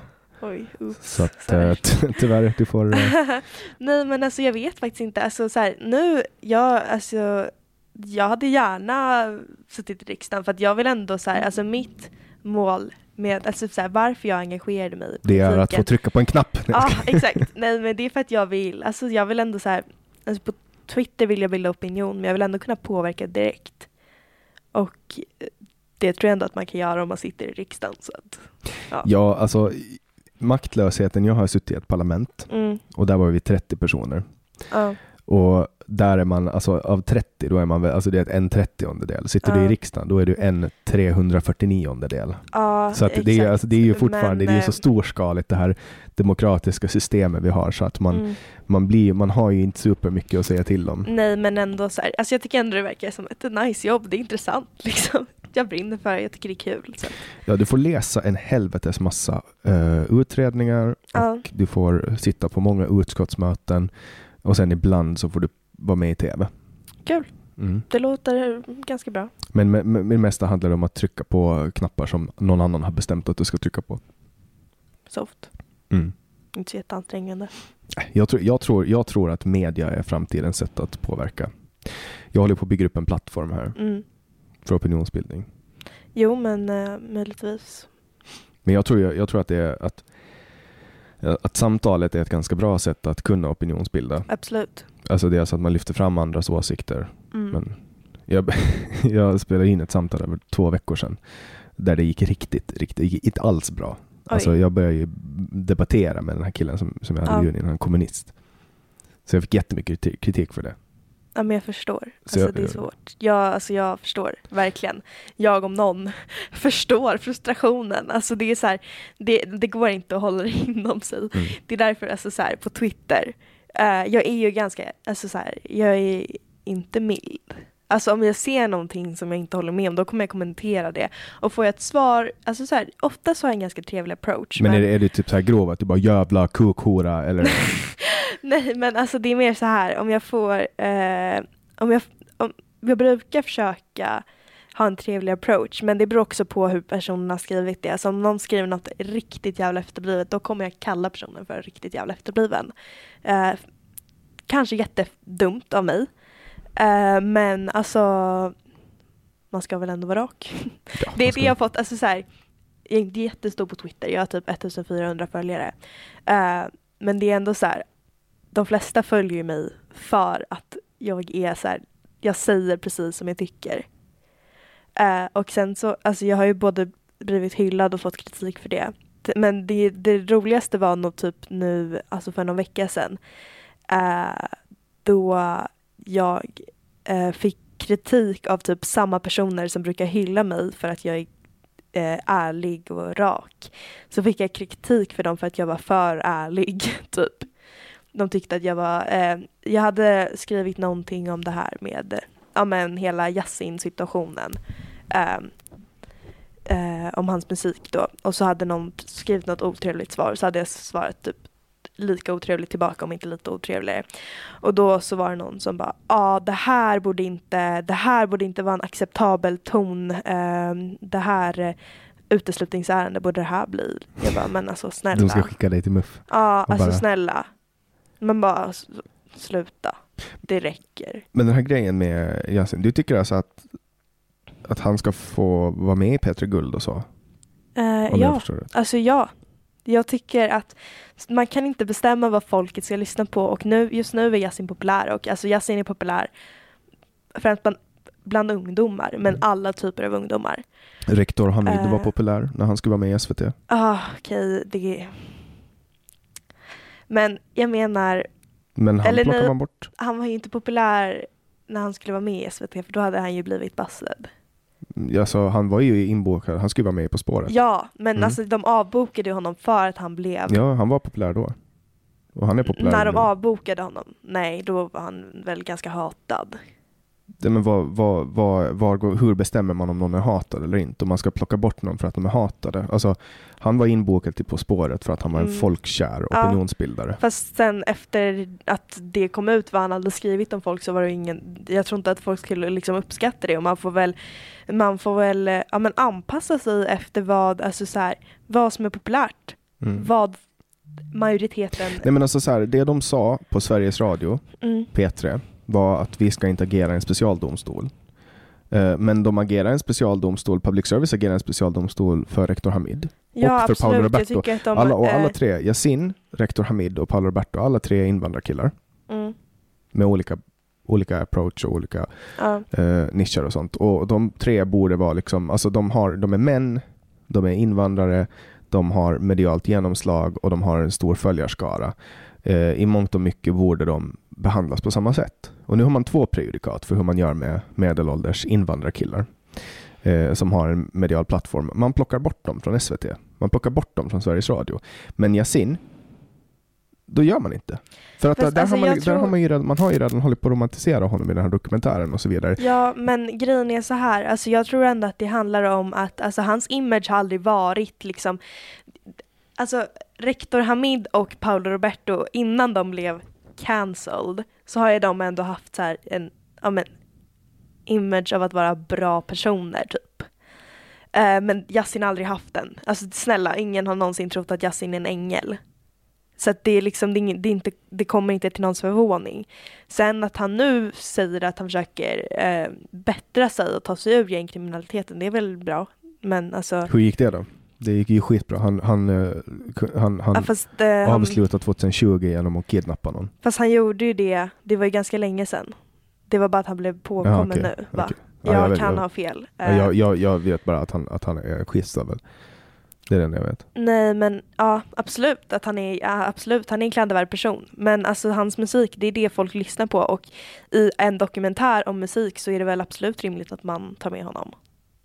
Ja, men varför tar man inte med Paolo Roberto i en eh, dokumentär om matlagning? Eller rektor Hamid i en... För att nu, du, alltså, han är ju fortfarande relevant. Det är det som är Men vadå, alltså, det är här, Paolo Roberto också. Fast nej, för Varför nu skulle- så- hatar ändå majoriteten Gör, av gör, folk. gör det. Har man gjort en hatopinionsmätning och kolla om, om mer än 50% hatar Det är i honom? alla fall min uppfattning. Ja, men eh, alltså, han blir ju inte irrelevant. Hans kunskap om människans eh, anatomi och träning förändras Mm. ju inte. Hans kunskap om boxning ändras inte. Hans kunskap om integrationsarbete förändras inte. Hans kunskap i programledarkunskaper förändras inte. Han är ju fortfarande den han var innan, bara det att nu är han påkommen med att ha köpt sex. Han har Ja. antagligen gjort det innan och ska antagligen är, ha alltså gjort det igen. alla människor, ehm, alla människor döljer någonting eller gör någonting som de inte borde göra. Eh, men det är skillnad på när, alltså så här, jag tror att människor reagerar annorlunda om personen är öppen med det från första början än ifall det kommer som en chock eller liksom att personen har döljt det. Jag tror att det är det som det handlar om. Ja, men alltså, nu har vi, vi har ett problem i Sverige med organiserad brottslighet. Ja. Alla vet att vi har det här problemet. Mm.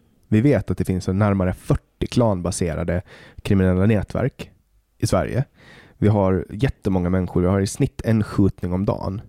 Och så har vi en ung kille som står och sjunger om de här vedervärdiga brotten Fast som det är ju typ inte ens det han sjunger om. men vad sjunger han om? då? Men kolla, alltså så här, det, det som jag tycker är så, Sjunger han om droger? eh, alltså Sjunger Eh. han, ja eller nej? Typ inte Okej. så mycket längre. Ja, men Om man har han tittar gjort på det? hans, Har han ja det har han gjort. Har han sjungit om kriminalitet, om ja, vapen? men han påstår ju ändå så här att han har liksom blivit en annan person Har och han att, eh, inte vet jag, jag känner inte han honom. sitter häktad just när vi pratar för människor. Ja, men det var ändå så här, det hände väl ändå för ganska länge sedan. Jag, och tror sen att, jag så, tror att du är biased. Ja, absolut. Du gillar jag, honom jag och gillar, därför tycker jag du gillar att- hans musik. Ja. Det, jag är säkert, alltså det, det absolut. Tänk om han skulle kidnappa din att det- polare. Oj. eh, Din bästa kompis, han kidnappade honom. Skulle du fortfarande tycka han var bra då? kanske inte. Men Eller om alltså, han sålde drog inte- till, droger. Har du småsyskon? Nej. Säg att du hade en li- lillebror som var 12 och han skulle sälja droger till honom och din bror blev eh, narkoman. Skulle du fortfarande tycka om Yasin då? Alltså, mm, inte personligen, men man kan ju fortfarande uppskatta hans musik. Alltså, nej, okej, kanske inte efter att någonting så nära än har skett, Mm. men alltså så här, ehm, det är, um, vad jag skulle säga? Så då är frågan, bara Ja. en sista fråga på det. Skulle då, om det där skulle hända dig, skulle Mm. du då vilja att dina skattepengar användes till att prisa honom i P3 Guld? Eh, nej, för att jag tycker att vi ska lägga ner public service Ja. överhuvudtaget. Men nu när det ändå finns så, alltså, Då kan vi ge gängkriminella killar priser. gud det låter så fel när man framställer det så här. När man det, framställer det, enda i jag- hur det är. Nej, men det enda jag, det jag tänker, det är att, eller så här. Visst att det kan finnas problem i SVTs och P3s ageranden. Visst att man kan tycka att det är fel, jag förstår det absolut. Men jag tänker att eh, jag tycker bara inte att det är konstigt att man har med en rappare som är liksom en av världens, eller vad säger jag, en av Sveriges mest streamade artister för nuläget i en dokumentär om hans musik. Jag tycker inte det är konstigt. Det tycker jag. Ja. Nej men jag, jag förstår. I alla fall jag, om man bortser alltså, så här, från person och alltså, okej visst att man, nu, eftersom att han rappar om sitt liksom, liv så kanske det är lite svårt att alltså, så här, tänka bortse från hans person. Men det är också så här att alltså, han skapar ju konst så att varför, alltså och på senaste tiden tycker jag ändå jag att hans alltså, musik har utvecklats. Jag tycker inte, till exempel låten han släppte med Miriam, Bra- Miriam Miriam Bryant. den, eh, alltså, den handlar inte om kriminalitet. Vad jag har märkt. Mm, han släppte en låt som inte handlar om kriminalitet, men då, då förlåter jag honom. Ja, ah, exakt. Jag ändrar just åsikt. Nej, men alltså, jag känner att på senaste så har hans musik ändå blivit mycket mer lämplig än vad det var tidigare. Ja, ja, men det återstår ju faktiskt Och han kvar påstår ju att- att han försöker förändras så att han eh, gör en resa just nu. Och den resan, på den han tog en liten detour och, och kidnappade någon. Det är sånt som händer. Sånt- Återfall! Åt- Återfall. Gud vad det låter som att jag romantiserar kriminalitet Ja, nu. Det är, det är gängkriminalitet- inte det jag menar. Gillar Eh, du gängkriminalitet? Är det, Absolut inte. är det en del av stadsbilden? Eh, nej, nej, absolut inte. Eh, vad, vad, vad har du för take på det då? Gängkriminalitet, Ja. hemskt. Eh, fängsla alla, helst igår. Jättelänge. Ska, och ska vi betala för deras eh, fängelse också? Eh, nej, Får de helst betala för det inte. själv? Ja, typ. Straffjobb? Jättegärna. Om det hade funkat så, så hade De får, de, får, de får laga leksaker och sånt. I Finland så får ju de får ju jobba och bygga så här Ja, men det får de jättegärna göra. Alltså absolut, kör på. Men eh, ja, alltså jag tycker ändå så här, hans musik är bra, många uppskattar den. I en, eh, dok- så som jag har uppfattat det så handlar dokumentären om liksom, eh, alltså musikkulturen idag. Alltså han var ju rätt, den här reporten var ju fascinerad av honom. Det såg man, det lyste Ja, igenom. Han var ju absolut. väldigt fascinerad. Eh, han, han kanske borde varit, absolut, han kanske borde varit mer nyanserad. Men alltså i sig så tycker jag inte att det är konstigt att man ställer frågor om hans musik i en dokumentär som handlar om musik Och att han ens medverkar i det, den dokumentären tycker inte jag heller är konstigt. Han, frågar ju, han ställer ju lite frågor där om gängkriminalitet och då säger han nästa fråga tack. Han frågar typ så här, har du slutat? Och då Ja. säger han nästa fråga. Tack. Ja, jo men absolut. Alltså det är väl en svår... Ja, alltså, ha, antingen så har man slutat eller så har man inte Fast slutat. personligen tror inte jag att han kan så här, ge ett rakt svar. För att man kan inte lämna ett gäng över en natt. Alltså det går inte, alltså, det går inte till så. Vad jag vet, jag vet inte, jag har ingen experience, men det verkar inte så i alla fall. Det känns ju som att gänget är så här, okej eh, grabben du har skaffat dig en karriär nu, brorsan du får vara ute och sjunga nu liksom. Vi kan sköta kriminaliteten själva utan dig. Typ så. Jo, kanske. Men ja. Eh, jag vill bara förtydliga än en gång. Alltså min ståndpunkt är bara att jag tycker, jag absolut, alltså jag har, eh, jag tycker inte att hans beteende på något sätt är okej. Jag stöttar absolut inte gängkriminalitet. Eh, men jag tycker inte att man ska ta bort Justin Bieber från Spotify. Jag Ja men jag tycker han kan få vara kvar på Spotify. Det är ju en, Ja, det är en privat ja, plattform. men jag tänker SVT, alltså, jag är det rimligt att man ger någon Peter Guld som sitter häktad för, för människorov? Men jag tycker inte Ska, han, ska man åka till häkte och ge honom priset eller ska han få vara med på länk från Okej, Kronobergs alltså häkte? P3, P3 Guld kanske inte är så lämpligt just nu. Men jag tycker inte det är konstigt att han är med i en dokumentär och berättar om sin musik. Alltså jag tycker inte det är konstigt. Mm. Ja, det, nej, det tycker jag inte heller är konstigt. Mm. Eh, men jag tänker att så här, alltså, schysst mot föräldrarna och, och offret. Att han får så här, vara med och prisas på Peter Guld. Så här, schysst, ja han har varit människa. Ja. Och sen, det, det känns bara lite så där ruttet. Ja, det, Men i Sverige- jag, jag Sveriges håller Radio- med. Jag håller med. Alltså det är väl, eh, det, jag kan inte tänka mig hur eh, stött som förälder eller offer man måste bli. Men det är fortfarande liksom, alltså det kan, ja det var väl kanske lite problematiskt. Men alltså så här, han är en av Sveriges mest streamade artister och alltså kommer förmodligen vara det ett tag till. Eh, folk tycker att hans musik är jävligt bra och eh, man kan inte låtsas som att han inte finns. Alltså det kommer inte, ge, alltså det kommer inte... Nej, men man kan ju åtminstone kalla en spade för en spade. Han är en människorövare. Han är en- kriminell. Han, Ja okej, de kanske hade kunnat jobba på eh, De kanske hade kunnat jobba på presentationen. Eh, jag hade inte haft något emot ifall de hade presenterat honom som en eh, gängkriminell eh, rappare. Absolut inte. Det, alltså det finns ja, eller bara hade... människor, som, människor som sitter häktade kanske inte ska vara med på Peter Guldgalan. Man kanske kan sätta det. Det är så här, samma sak. Det är ju svårt att vara med i Ja. Melodifestivalen om du sitter... De tog ju bort Torsten Flink till exempel från Melodifestivalen för att han hade varit i bråk med någon. Jaha. Nej, eh, jag... Och det är SVT. Ja. Så att kanske, kanske har du ett Ja, bra... alltså har, är visst du misstänkt? att SVT borde ha, alltså okej, eh, SVT kanske borde ha en mer kritisk approach till alla som begår brott eh, och inte liksom prisa det. Men det, alltså, jag tycker fortfarande inte att det är konstigt att de gör en dokumentär om honom. Nej, Alltså, och det är snälla, inte det jag säger. det Jag säger absolut inte. Dokumentären gjorde de ju innan han åkte fast för Ja, människorov. När de, när de trodde att han hade slutat. Jag Mm. pratar om Peter Guld. Peter Guld, eh, alltså jag, är han, när är Peter Guldgalan? Det brukar vara i januari. januari. Okej.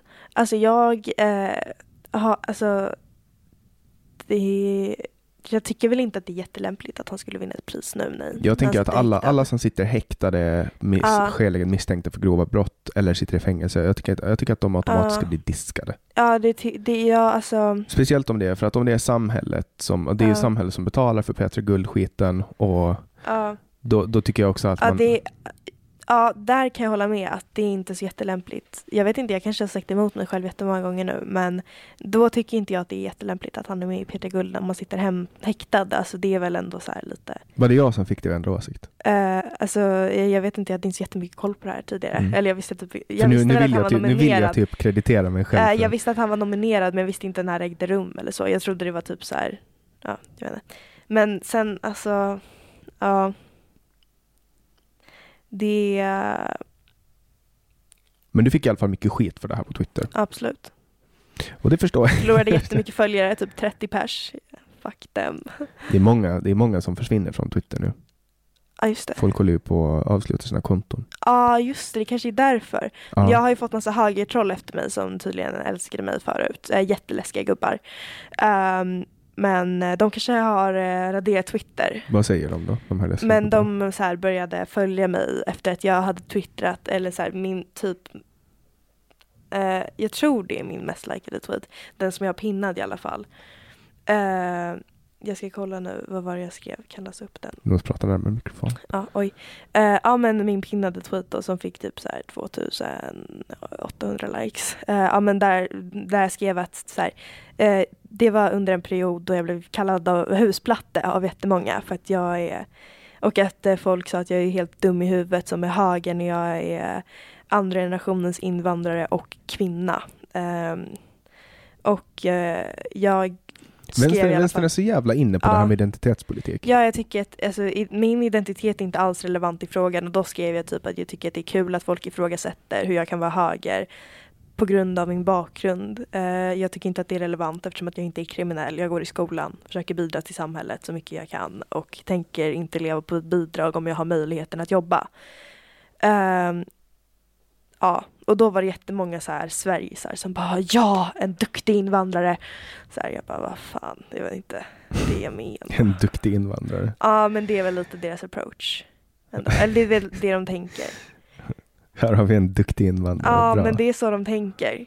De tycker om eh, Loai Ah- Ahmed Ja, och, precis. och dig och vem mera? Vad finns det mer för duktiga invandrare i Sverige?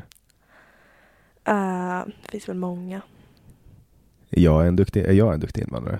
Ja, fast det är, du, du är finsk. Det är för, du är för nära, alltså kulturerna är för nära varandra.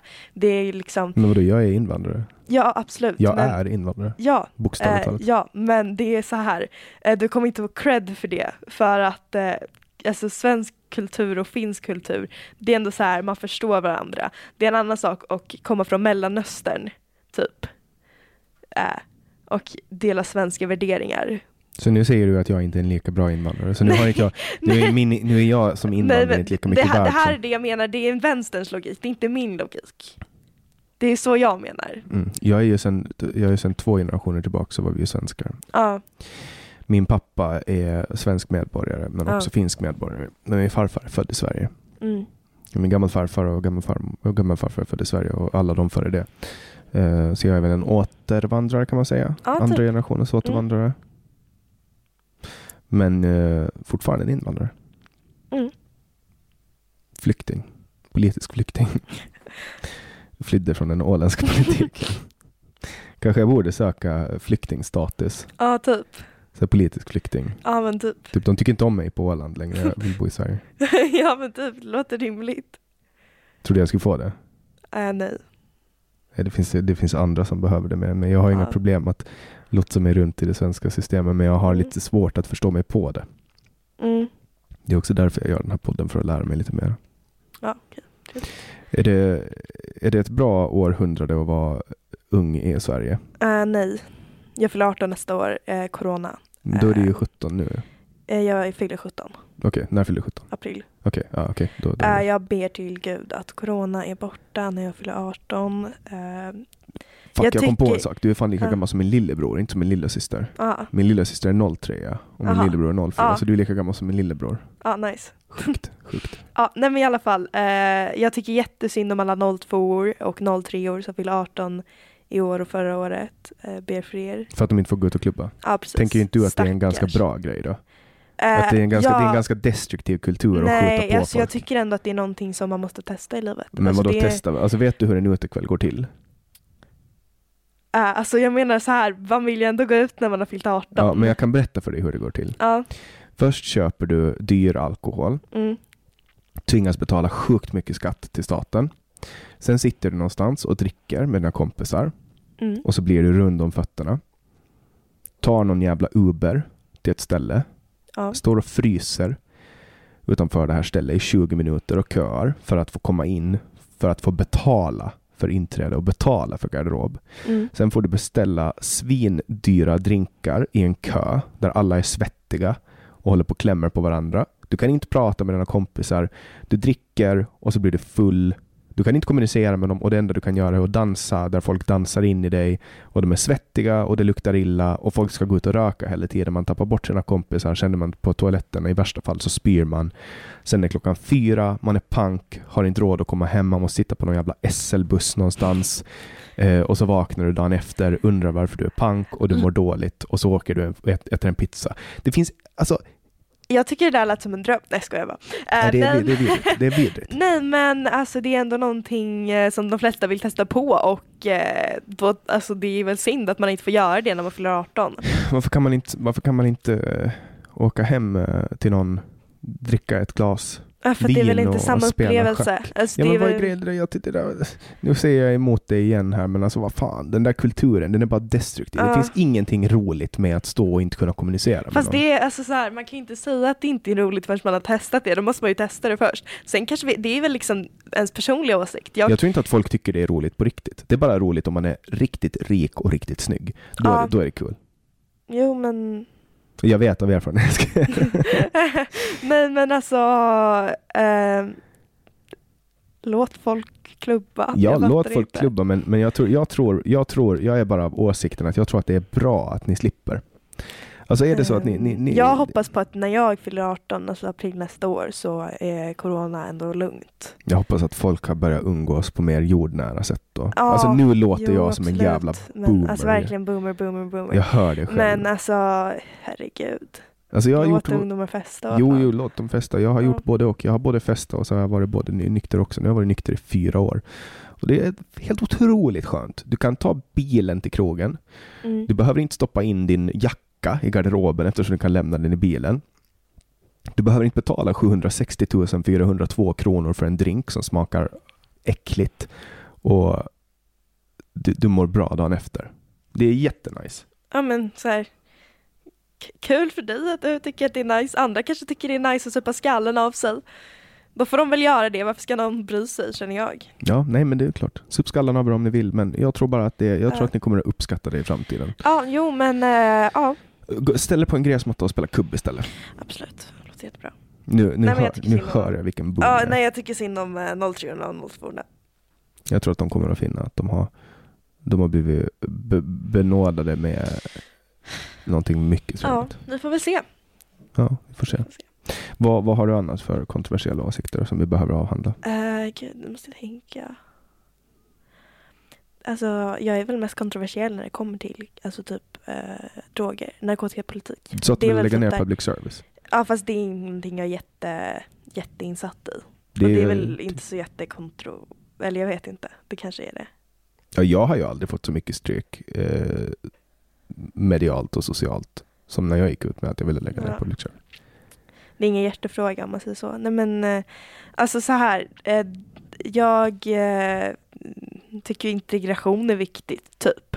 Men det är inte så här som att jag har några jättekontroversiella åsikter när det kommer till det. Det är väl typ mer så här, ja men krav på godkänt i SFI.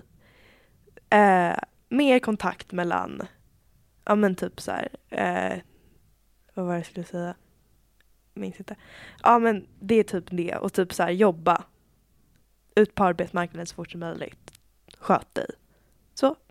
Mm. Och sen typ så här, ja men alltså minska kriminaliteten. Eh, öka kontakt mellan vårdnadshavare och eh, skola. För att jag många gånger upplevt att eh, skolan har mer koll på vad vissa elever gör på sin fritid än vad föräldrarna har. Eh, öka föräldrarnas ansvar, alltså föräldrar måste ta hand om sina barn. Eh, om man till exempel, om man eh, eh, lever på bidrag och ens barn inte sköter sig, om man inte gör någonting åt saken så tycker jag att man ska kunna villkora försörjningsstöd.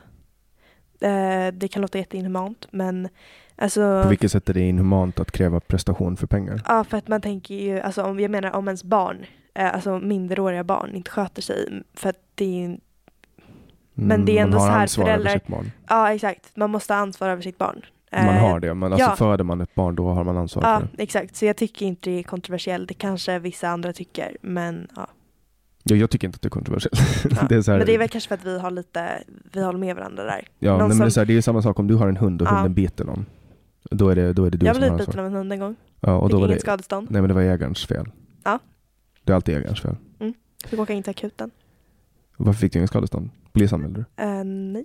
Ja, men det, då är det, Eller då, då, jag då, är det klart tror, eller kolla, jag, jag skulle polisanmäla men jag bara, eh, jag tyckte, eller så här, kolla. För det första så, jag var så i chock när det hände att jag inte frågade om namn eller någonting på ägaren. Eh, så att, eh, sen så pallade inte jag lägga mig ner min tid på det där. Eh, och sen så var jag inte så allvarligt skadad att jag bara, ja jag måste ha skadestånd. Jag bara, jag klarar mig. Men då har du heller ingen rätt på att klaga. Nej, det är Du fick sant. skadestånd. Nej, För det hade kom jag inte, han kommer inte söka upp Nej, dig nej, och bara nej, ”Hallå var det tjejen som min hund bet? Så jag vill betala skadestånd!” Det var en hon, en kärring. hund. Hatar henne tills denna Nej. dag. Ja, jag förstår. Vad var det för Eh, hund? Var det en stor En, farlig hund? en jävligt fet hund.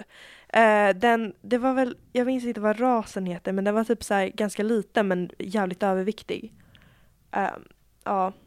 Mm. och, Ja, vi borde eh, förbjuda överviktiga hundar. Ja, verkligen banta ner dem. Fy Mm. fan. Eh, det är inte okej.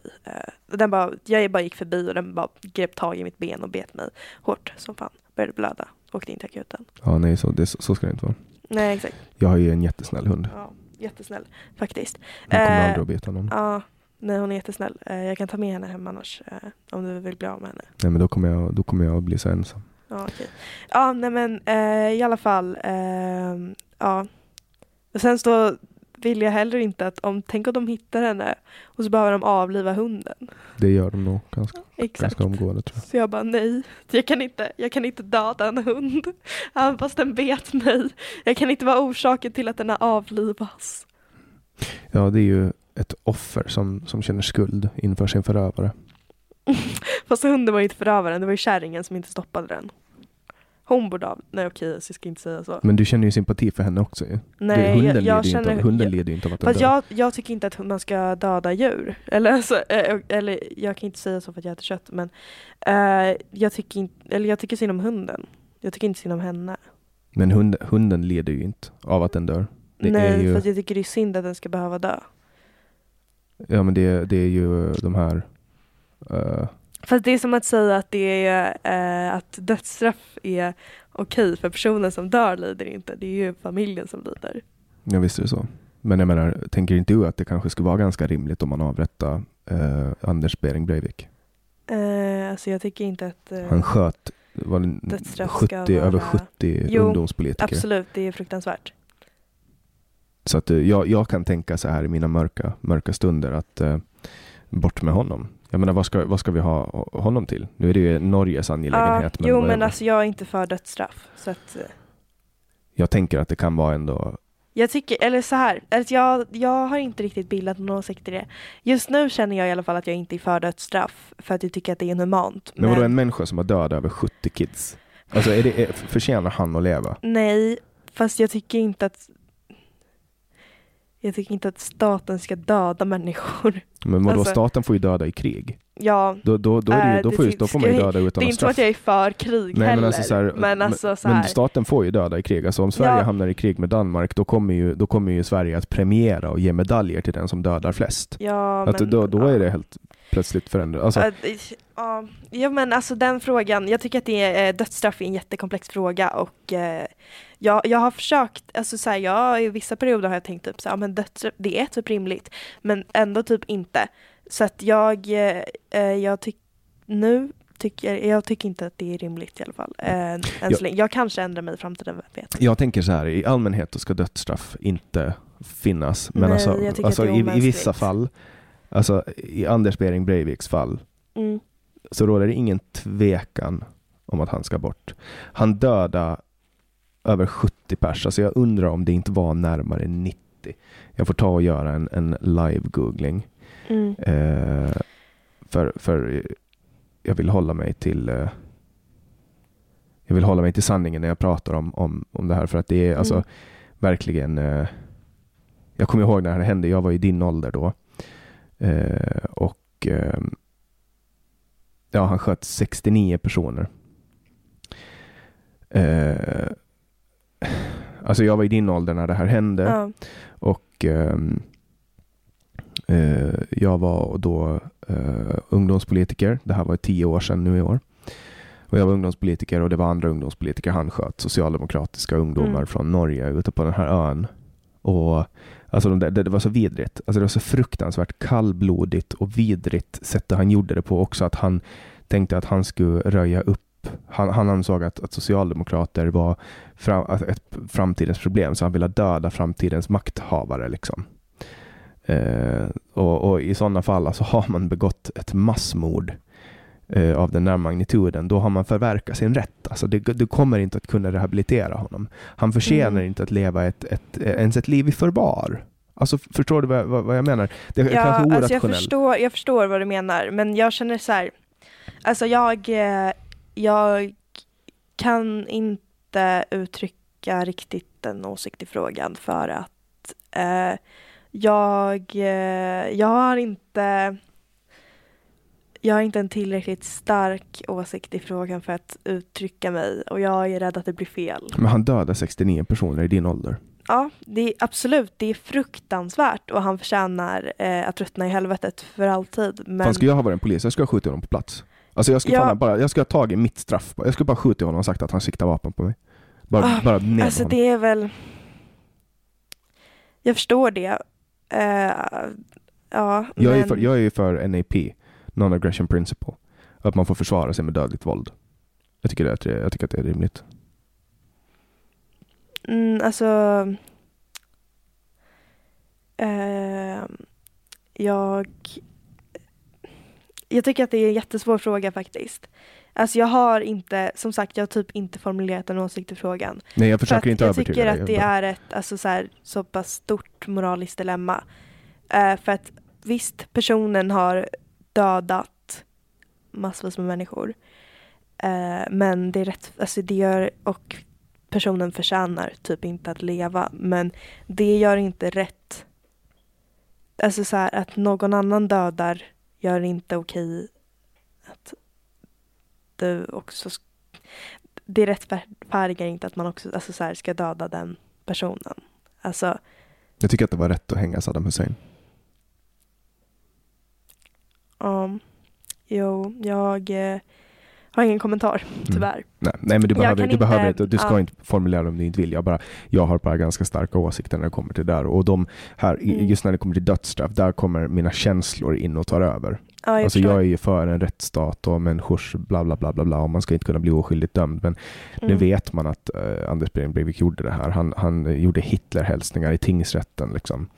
Han skrev ett eh, nationalsocialistiskt manifest som han, han eh, spred och så. Mm. Han är en, en usling. Och han blev eh, dömd till 21 års fängelse. Ja, det är fruktansvärt. Men han kommer nog aldrig att komma ut tror jag. Okej, bra. Jag tror inte. Men han kostar väldigt mycket. Ja. Nu har vi en liten stund kvar. Är det någonting som vi har missat? Ehm, alltså... Nej. Eller? Jag vet inte. Vi har inte pratat om corona. Corona. Mm. Ja. Det är, lite, eller det är ganska skönt att vara i en eh, nästan en två timmars diskussion med någon utan att nämna corona en enda gång. ja, jag är så på corona. Eh, ja. Jag har haft corona. Har du? Ja. Jag fick det av Alexandra Hedborg. Hon är moderat. Ah, ja, just det. Jag hörde det i eh, avsnittet. Med henne. Ja, jag lyssnade på en bit av det. Mm. Eh, ja. Jag hade det i slutet av november tror jag. Mm, jag hade det i mars. Jag var tidig. Åh jävlar. Är lite, Ja. lite mer status än dig. Fast det var väl inte antikroppar längre? Alltså det, vet- det vet jag inte. Jag har, jag blivit exponerad för corona bara för två månader sedan. Ja, Och eh, jag det icke. ja okej. Nice. Eh, ja. Så jag antar det. Att jag, inte, att jag har det. Mm. Man får ju ändå vaccin snart. Så. ja. Fast i den här takten så lär det ju ta en 12-13 år för Sverige att vaccinera alla. Ja men fy fan, ja. Alltså, så Det, det, det går inga många knop. Alltså det här landet är så jävla efterblivet, jag orkar inte. Ja, det är lite det. Det har varit ett bra land. Mm. Men sen röstar för många människor röstar på Socialdemokraterna. Allt är Stefans fel. Allt är Allt Stefans är. Stefan Löfvens fel. Ja. Åh, nu har vi konstaterat det och jag drog en gäspning. Jag, har sagt det här förut, men jag fick ju skitmycket Ja. kritik för att jag gäspade i en podd en gång. Jaha, ja. Mm, då blev så här, vad fan håller du på med? Jag kan inte gäspa i podden, det låter jätteotrevligt. Men vad ska jag göra? Ska jag, ska jag, man gäspar ju när man sitter och pratar med folk. Det måste man ju få göra. Ska jag, ska, jag, ska jag försköna verkligheten och låtsas som att jag inte gäspar? Nej, men Ja. jag är en ofelfri människa. Jag Ja. gäspar aldrig. Redigera Okej. bort alla gäspningar. Ja, typ. Eh, Mm. ja. Ja, men då känner du, då känner du att, att du är nöjd också? Ja, jag känner mig nöjd. Du känner inte att vi ska klämma in någonting till? Vi har 15 minuter till om du, om du vill. Ehm, nej, jag är nöjd med min poddebut alltså, Mm. tror jag. Eller? Ska Ah, vi ja. ratea din poddebut? Och vad, hur, Ja. vad var dina förväntningar av din poddebut? Eh, jag vet faktiskt inte. Eh, jag hoppas bara att jag inte får skit för det här. Men det får man alltid. Ja. Men eh, var, varje gång man får skit så finns det alltid folk som tycker om det man gör. Ja, exakt. Nej, men jag... Jag tycker det är kul att få synas på en annan plattform. Alltså jag är ju inte van vid det här liksom. Men det var kul. Vill du, är du mer intresserad av att börja podda nu än vad du var igår kväll? Ja, ja, typ. Fast jag vet inte, jag vågar inte starta min egen podd för att jag är rädd att det ska floppa och Fast- jag vill inte göra någonting som Men vad gör, vad gör det om det floppar? Alltså så här, om, du, om du ger 50 personer underhållning och de tycker om din podd, då är det ju värt det. Ja, Eller hur? nej. ja, fast så här är jag. Jag tänker så här, om jag gör något måste det bli succé. Mm, men det, det, är orim, det är orimliga förväntningar. Ja, men jag är orimlig. Eh, så det är, det är så jag tänker. Mm. Då vill jag uppmana dig till att ehm, tänka på ett annat sätt. Så här, jag tänkte när jag startade, jag start, den här podden har ju gått rätt bra och så. Mm. Och det är många som lyssnar på den. Eh, och, när jag, och, och det är ju för att det är inte jag som är i fokus. Hur många är det som lyssnar på avsnittet ungefär? Det är ju hemligt såklart, men Ja, okej. eh, man ska hålla sånt hemligt. Jag vet inte riktigt Ja. varför man gör det, men jag håller det hemligt. Vadå, jag har hört att folk säger det i poddar, eller? Alltså jag kan väl ge ett hum. eh, Jag vill kan- bara säga en sak. Eh, en sak kom jag på nu som jag vill säga. Eh, det eh, eh, jag saknar Della Q. Så om någon som har eh, kontakt med Anna Björklund, Bianca Meijer och Moa Wallin hör det här. Snälla, snälla Alltså, återuppliva vi, vet ju, att- vi vet ju att då, alla lyssnar på den här podden. Det här är ju innepodden Mm, rätt. Att, eh, Exakt. nu när ja, jag hör, tycker det. Alltså jag är med. Så att, ja, ja, jag är med. Eh, nej men, ja.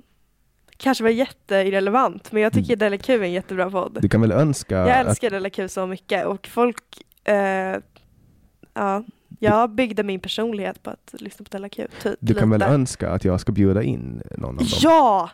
Det Vem- måste du Vem göra, ska jag bjuda snälla. in då? Eh, alla? Alla samtidigt? Eh, nej. Men om jag bara bjuder in en då, vem ska jag ta då? Eh, jag vet inte. Gud, det är så svårt att välja. Jag älskar alla. Uh, alltså gud, jag vet verkligen inte. Men om du måste välja en. Alltså, uh, ber om ursäkt till Anna Björklund om du hör det här, men antingen Bianca eller Moa. Du måste röra din sladd där. Oj, ja. Eller är det jag? Ja, vad fan. Jag tror att det är du. Ta tag i den ordentligt och... Ja, och lite till. Eh, Så, ah, vi har lite statiskt brus, men ja, det kan det få vara. mm, det är Det ska ändå... sånt ja, men det jag skulle säga var, eh, ja men antingen Moa Wallin eller Bianca Meijer. Någon av dem. Ja, men du får säga en. Så, Den som tackar ja! Nej, men jag, jag, du får säga en. Jag- Man måste, du måste kunna prioritera om du ska vara politiker. Nu, nu kommer jag här med Jag någon moralkakor. Bara, Eh, men jag älskar båda så mycket. Jag kan verkligen inte välja. då vill jag åt dig. Eh, kan vi köra sten, sax, påse? Okej, vem? Om jag vinner så... eh, nej, jag kan inte bestämma det heller. Du får välja. Anna Wallin. Va? Anna Wallin. Ingen Anna Wallin. Moa Wallin. Moa Wallin. ah, Okej, så om jag vinner så, är, eh, så ska du bjuda in Moa Wallin. Tänk om inte, ingen av dem ens tackar ja. Bianca, Bianca Meijer. Jag, Eh, jag håller inte koll på dem eh, nej. faktiskt. Men Men du, jag, vet med. jag kommer ihåg att det var ett bråk Ja, och att det stod i tidningarna om det. Det var någon som avslöjade någonting om någon, det var jättehemskt. Ja. om någon eh, graviditet. Ja exakt, någonting. exakt så. Mm. Okej men så om jag vinner så är Moa Wallin med, om du vinner så Okej, är Bianca Då kör vi Okej, sten, sax, påse. Ja, men Vad vadå, nu, nu satte jag upp min före du. Så det, det, ska vara på, det ska vara på tre. På påse, då väljer man. Okej, Okej, ja. sten, sax, påse. Nej, men nu gjorde du fel igen. Kom igen nu, du får inte göra sådär. Nej men så här gör man, sten, så här sax. gör man, kolla. Ja. Sten, sax, påse. Okej, ja, Så, ja, okej, då okej. gör jag som dig. Det Ja. var jag som gjorde fel. Sten, sax, påse. Jag vann. Så Bianca Meijer är med? Ja. Okej. Ja. Om du hör det här, Bianca... Ja, Bianca om du hör det här, jag älskar dig. Tja, tja! Ja. Okej, Jag är Nej. ditt största fan. men nu, när, nu har vi lite brus här. Stänger av din mikrofon. Eh, Jaha. tack för att du var med. Ja, tack för att jag fick vara med. Och nu, nu när det problemet är ur... Oj, Är min mikrofon avstängd? Nej, vänta, Nej. jag drar av den så här manuellt. Nu är den avstängd. Okej, nu har vi ingen statisk brus. Till alla er som har lyssnat på veckans avsnitt av podcasten Samtal vill jag tacka så hjärtligt. Ni är mina hjältar som hjälper mig när ni stödjer mig på patreon.com samtal eller till er som swishar mig på 0703522472. Eh, också ni som stödjer mig på Paypal är hjältar och alla andra som lyssnar och sprider den här podden är mina hjältar. Och det betyder ju säkert någonting för någon. Jag uppskattar alla tips som jag får. Jag får jätteofta många jättebra tips eh, och det uppskattar jag och ni får fortsätta med det. Jag tycker också om er feedback. Jag har ju fått lite kritik här på senaste och jag tycker att det är skönt att jag äntligen börjar få kritik för folk håller ganska mycket på det. Det har varit lite av ett problem. Det är svårt att veta vad man gör fel när ingen berättar det åt en. Eh, men det är kul att folk har kommit med också feedback med saker som jag kan förbättra. Jag tänker främst på det här avsnittet med Daniel Hansson där jag eh, gick igång lite och det blev mer en debatt än ett samtal. Men som jag har sagt till folk som har återkommit att jag hade ingen annan gäst den veckan. Och även om jag ville spela om samtalet eller kände att det kanske skulle vara bra att spela in det på nytt och, och göra en annan take på det så kände jag att det är bättre att släppa någonting än ingenting och därför fick det bli så. Och som ni vill höra ett samtal, lyssna inte på samtalet med Daniel Hansson. Vill ni höra en debatt, lyssna på samtalet med Daniel Hansson. Eh, ni hittar alla samtal eh, på Spotify eller valfri podcast-app eller på min hemsida www.samtal.ax. Där hittar ni också länkar och telefonnummer för Swish och eh, annat som ni kan behöva. Där kan ni också tipsa. Jag heter Jannik Svensson och du har lyssnat på podcasten Samtal.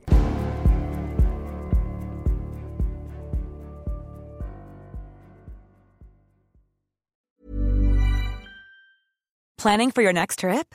Elevate your travel style with Quince. Quince has all the jet setting essentials you'll want for your next getaway, like European linen, premium luggage options, buttery soft Italian leather bags, and so much more. And is all priced at 50 to 80% less than similar brands. Plus, Quince only works with factories that use safe and ethical manufacturing practices. Pack your bags with high-quality essentials you'll be wearing for vacations to come with Quince. Go to quince.com slash pack for free shipping and 365-day returns.